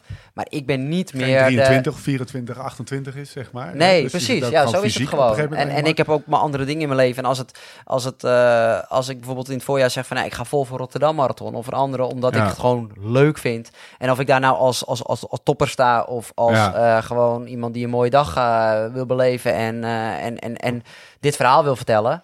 ehm, dat, dat weet ik nu nog niet. Maar ik, ik, ik zou het... he- Ik, ik, ik ben er stellig van overtuigd dat dat eh, in de internationale loopwereld en, en wederzijds vanuit wielrennen dus eh, die wisselwerking positief kan. eh, Gewoon ontstaan op de N100, hè, dit. Hey. Dan gaat Kipchoge, die ri- loopt daar volgend, Voordat- volgend jaar. En laten we hier alsjeblieft, We beste nee, laten, we dit, laten we hiervoor waken. In elk interview dat ik met jou lees, komt hij weer. Alsof zo van Laurensdam het, het, het hardlopen... Ja, even kappen nou. Wij hebben het hardlopen naar voren geholpen, Steve. Hey.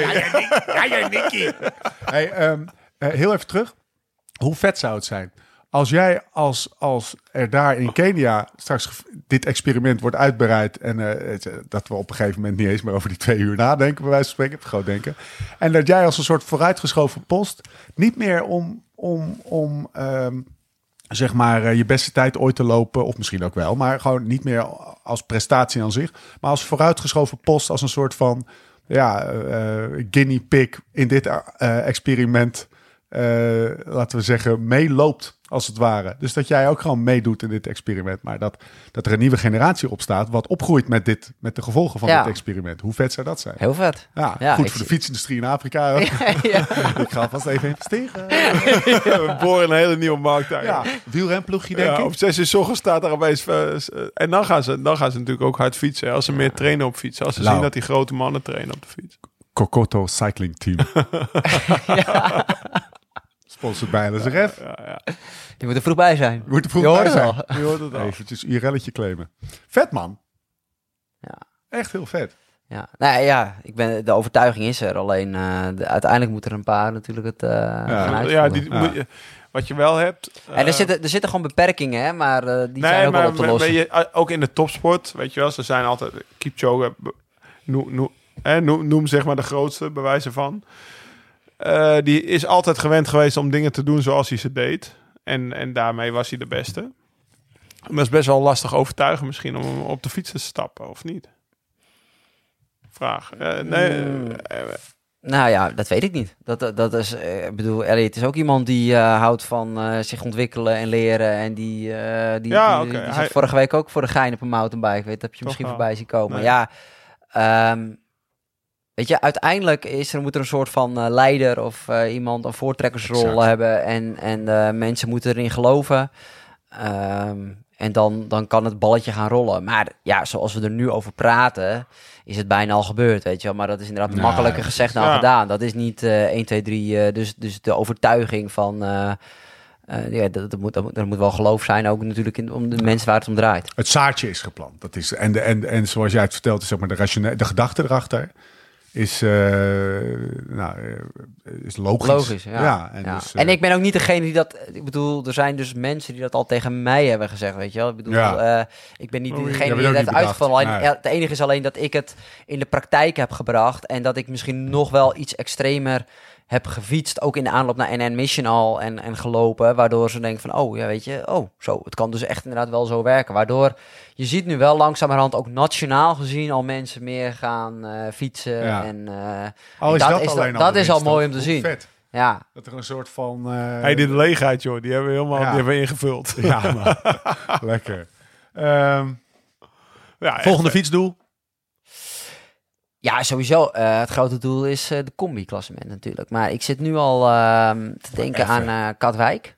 Is Dat- die over twee weken? Dat zou ik niet weten. Ik heb hem. Ik heb de. Tessel, Katwijk heb ik is me geen- Tessel is een grote, dat is ergens in Maar december. die is technisch, hè? Dat is wel een En goede die heb ik wel eens gereden, maar dat valt. Ja, weet ik niet meer hoe het technisch is. Je hebt Scheveningen. de- volgens mij is het NK in Scheveningen. ergens in februari. Ja, dat is dus later, ja. ja. Dus de strandracekalender Ja, ja, ja. is. Eh, ehm, ja, wat ik zeg, ik, ik, ik begin na 1 januari. Dus voor mij is Egmond de eerste. En dan eh, Scheveningen is nog een NK. Ik weet niet precies hoe dat zit met licenties. 24 Maar, december eh, er zijn er trouwens. genoeg. 24 december is ook wel... En na 100 hele belangrijk.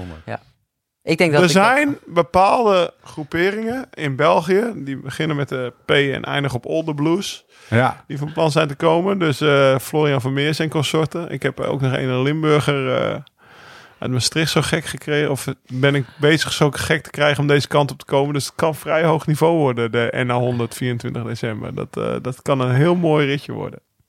mooi. En dan hebben wij voordelen. Hè? Parcourskennis. Want die gasten gaan ook niet... ja, zeker. Zeker. Even op rijden, recht sturen. Ja, daarom. Dus eh, nee, 24 december en 100 koers. Altijd belangrijk. Mooi man. Hele de- jaar, hele jaar rijdt. Ik hoop dat je klopt trouwens. Kokoto Weet je wie die vorig jaar won?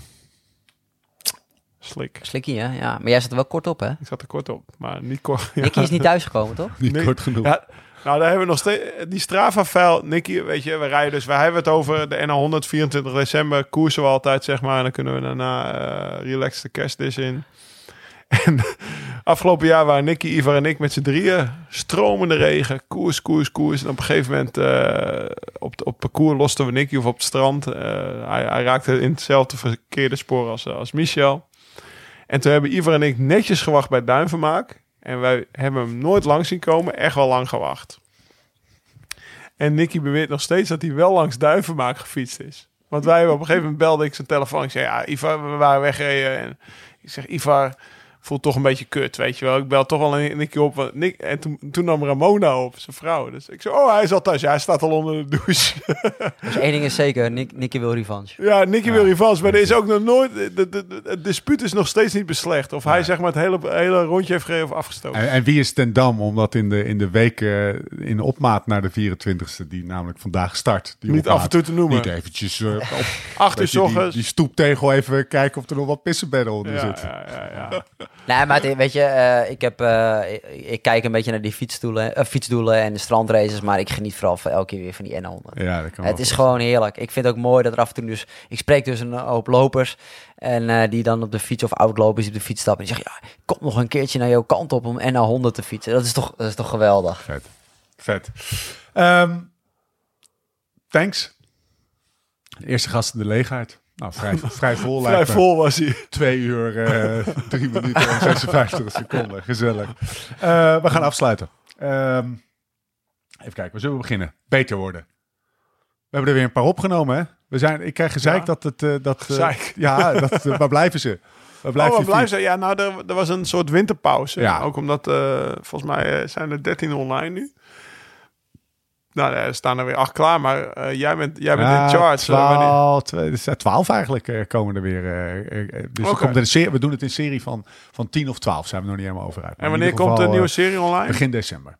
december. Dus Goede onderwerpen, fietsen in de kou, fietsen naar je vijftigste. fietsen als je fit naar je. 50ste. Ehm, Ja, wat wat we nog meer? Kracht. Krachttraining. Krachttraining voor wielrenners. Eh, eh, pijn lijden. Ja, Dat was vond- mooi, hè? Die vond ik mooi, We ja. hadden een paar beetje eh, dat we van het format afstapten, maar dat waren wel hele fijne. Ja, zeker. Nou, toen er was, er waren een paar dat Jim iets minder op zijn notitie keek. Ja. Waarbij hij hele moeilijke woorden vermeed dus. Of, eh, en we hadden op een gegeven moment kregen, hebben we zelfs een belletje neergezet om, om, om iedere keer als Jim een, een, een, een, woord als wat Guido, jouw trainer, zou gebruiken. Wat, wat de rest van Nederland niet snapt. Dan, zo dan zo lastig dat dingetje we het geven. niet kunnen reproduceren nu, want anders hadden we het wel Nee. genomen. Eh, Pro, prio, septische... Ja, iets- hou op met me. Eh, Gevoel? Zo'n zo'n hotelbelletje, wat je op de desk van een hotel Ja, hebt. ja. Hebben we Hebben letterlijk erbij hebben gepakt. we erbij gepakt en ting. Ja. Lau ging zo een beetje zijn hand overspelen. Soms, die, die zat bij elk woord dat hij dacht, oh, nou mag ik weer. Dus die op een gegeven moment hebben we een limiet Ja, jij vond dat belletje ook wel leuk. Die begon alleen maar op dat belletje. Eenzellig, hè? Eenzellig. Nee, maar we, we hebben er genoeg opgenomen. eh, en eh, ja, ze waren tof. Was gewoon leuk. De opnames waren goed. En ik heb zelfs ook dingen, dingen weer van Jim geleerd. Indoor trainen. Ja, man. Ja, het zit, ja, Wel gezellig blijven. Nee, maar dit is... Ja, dit- nee, tuurlijk. Ja, nee. Het was ik zat meteen te denken aan jou, weet je. Want eh, volgens mij morgen gaan die ze... loper. Ja, je met zich gezellig. Nee, maar hij heeft het gelijk, hij heeft gelijk. Want morgen gaan ze de NA100 rijden. Maar Join heeft ook weer een hele moeilijke, weet ik veel, vier keer, eh, vier keer, twee keer vier minuten, twee keer vier keer één minuut kracht. En uh, trainen als je ouder wordt. En eh, in die categorie eh, Nou, plaats ik mezelf. Moet ik, mijn krachttrainingen mag ik niet overslaan van Jim, laat ik het zo zeggen. Ik doe, Maar ik toch doe, ga ik even die een voor- N100 mee. ik doe even een voorspelling. Tot 1 januari, want die heeft hij in zijn agenda omcirkeld. Van dan begin ik weer. Is het nog een beetje... Oh, John, ja, daar kan ik wel een beetje linksom of rechtsom omheen. Maar 1 januari is het gewoon weer... eh, Full focus, full focus. Via Ja, ductkast nou ja, op die, die training, die training, die training die Micha herinnert. Van Ja. ik en Ivar en hij gelost in het groepje met Nicky en zo, weet ik veel. Was, stiekem was dat wel een van, was een training van Join dat ik gewoon kort ging rijden. Ik ga nu gewoon mijn ding doen. En kijk wel wie er, ja, kijk wel wie er in het wiel blijft. Was alleen Slikmeister. Dus eh, dat was wel, eh, dus eh, het stimuleert me ook wel om af en toe wat harder te fietsen. Laat ik het Mooi. Ehm, Shoppie, Shoppie. LSRF. Ja. Problemen met de, de... In principe staat alles klaar, beste luisteraar. Eh, eh, producten liggen in de schappen, foto's zijn gemaakt. Eh Tess heeft alle vinkjes gezet en alle prijzen zijn benoemd. Alles staat klaar, alleen ja, productie blijft een ding. Onze Spanjaarden. Onze Spanjaarden leveren nog niet. Veel is wel al binnen, maar nog niet alles. En we willen wel alles. Nee, volgens mij eind volgende week moet je Ja. aan denken of niet? Ja, dus kennis, nou ja, de, eh, Michel heeft het al eh, in zijn kast liggen. Dus als, de ambassadors worden een beetje voorgetrokken. Maar ja, het ziet er wel gewoon weer slik uit, om het zo maar te zeggen. Dus mooie spulletjes. Even tot eind volgende week Ja. wachten. En dan heb je het nog voor Sinterklaas Dus nog even niet naar die fietsenwinkel bij je op de hoek om een of andere van die Castelli meuk te kopen of zo. nog even lekker op LSRF. Wacht, het wordt echt mooi. In, in, in felle kleurtjes en in gewoon netjes buschauffeur blauw. Buschauffeur blauw, hè, We, hebben, we hebben alles voor iedereen. Mannen en vrouwen. Eh, of elk ander willekeurig eh, concurrerend merk die ik nou op het dak krijg. Ehm Boekie. Ja, 18 Boekie. november. Het, we hebben gewoon een Live Slow Ride Fast boek gaan we uitbrengen. Ja, 18, 18 november, november. online. Ik heb, eh, nou, ik heb al mogen genieten van... ik heb het eigenlijk bijna helemaal gelezen. Want ik mocht het voorwoord schrijven. Ik, mo- ik mocht het voorwoord schrijven. Ja. Weet je, we hebben een Live Slow Ride een Facebook. En. Jij Hij dacht, in de- la- ik heb- la- ik heb la- één in de- gevuld en hij deed voor. Lau flikkert op zijn hoofd. Ik, ik fix het boek wel even en dan mag hij het voorwoord schrijven. Je krijgt niet zo hij misschien makkelijk net meer, aan eh, uitgepoept. nou, eh, ik heb mijn best gedaan. Kost een nog wat inspanning. Ja, hij Poe, kreeg poe. stre- hij kreeg Oh, er oh. stress Ja. van. Ja, weet je, ja, ik moet het morgen hebben. Oh. Ja. nee, maar het, eh, het boek, mooi ja, ja, het, ziet, het, ziet er top uit. Het ligt, Ja. al, ligt ook bij ons in het shoppie al, pre-order. En eh, nou ja, volgens mij, hoeveel, hoeveel exemplaren zijn er? Mensen moeten snel zijn, een beetje Ja, het is, eh, goed. de eerste druk is beperkt en wij wilden eigenlijk twee keer zoveel, maar papier is op. Geen geintje. I shit you not. Er zit in boeken, in boeken, in de boeken papier schaars. is op. schaars. Er is een tekort economie, maar het papier is op. Onze Dus- kleren zijn op, het papier is op, de fietsen zijn op. Hey? Straks gaan we nog allemaal uitlopen, man. Voor het weet zit je weer in de gat te schuiten. En dan had ik toch wel best wel afgezworen dat ooit nog te gaan doen. Ehm, Hoeveel, hoeveel exemplaren? 3.500 zei je? of ja, niet? 2.500. Oh, 2.500. Oké. Dus eh, Ah. wees er snel bij, want eh, de, het, het, groot, het merendeel ligt al in de, in de, bij de Bruna's en de ACO's en eh, dat eh, werkt. Dus eh, 18 november. 18 november. Jij krijgt er één, gozer. Oh, wat tof. Top. Hey, tof dat je er was. Ja, dankjewel. We Genoten. hebben eh, bijna een marathon volgeluld. Ja, joh. Gaat snel. Nou, 2 uur 9. Nee! Moet stoppen! Twee uur Stoppen! 31. Ehm, eh, eh, Hoeveel ja, tijd hebben we nog? Single Down Corner doen we niet. Eh boek hebben we gehad. Beter worden podcast. Futurumshop.nl slash liveslowridefest. Hebben we bij deze genoemd. Eh Kokoto Cycling Team. Eh, ik ga nu een begroting opstellen. Lau bedankt. Michel bedankt. 2 uur 59 staat erop. Met Ah. een fatsoenlijke, zijn fatsoenlijke. Nog acht Acht seconden. seconden. 58 is een PR. We zijn er een. Tot de volgende keer. En voor de tussentijd Live slow, ride fast. 2 uur 59.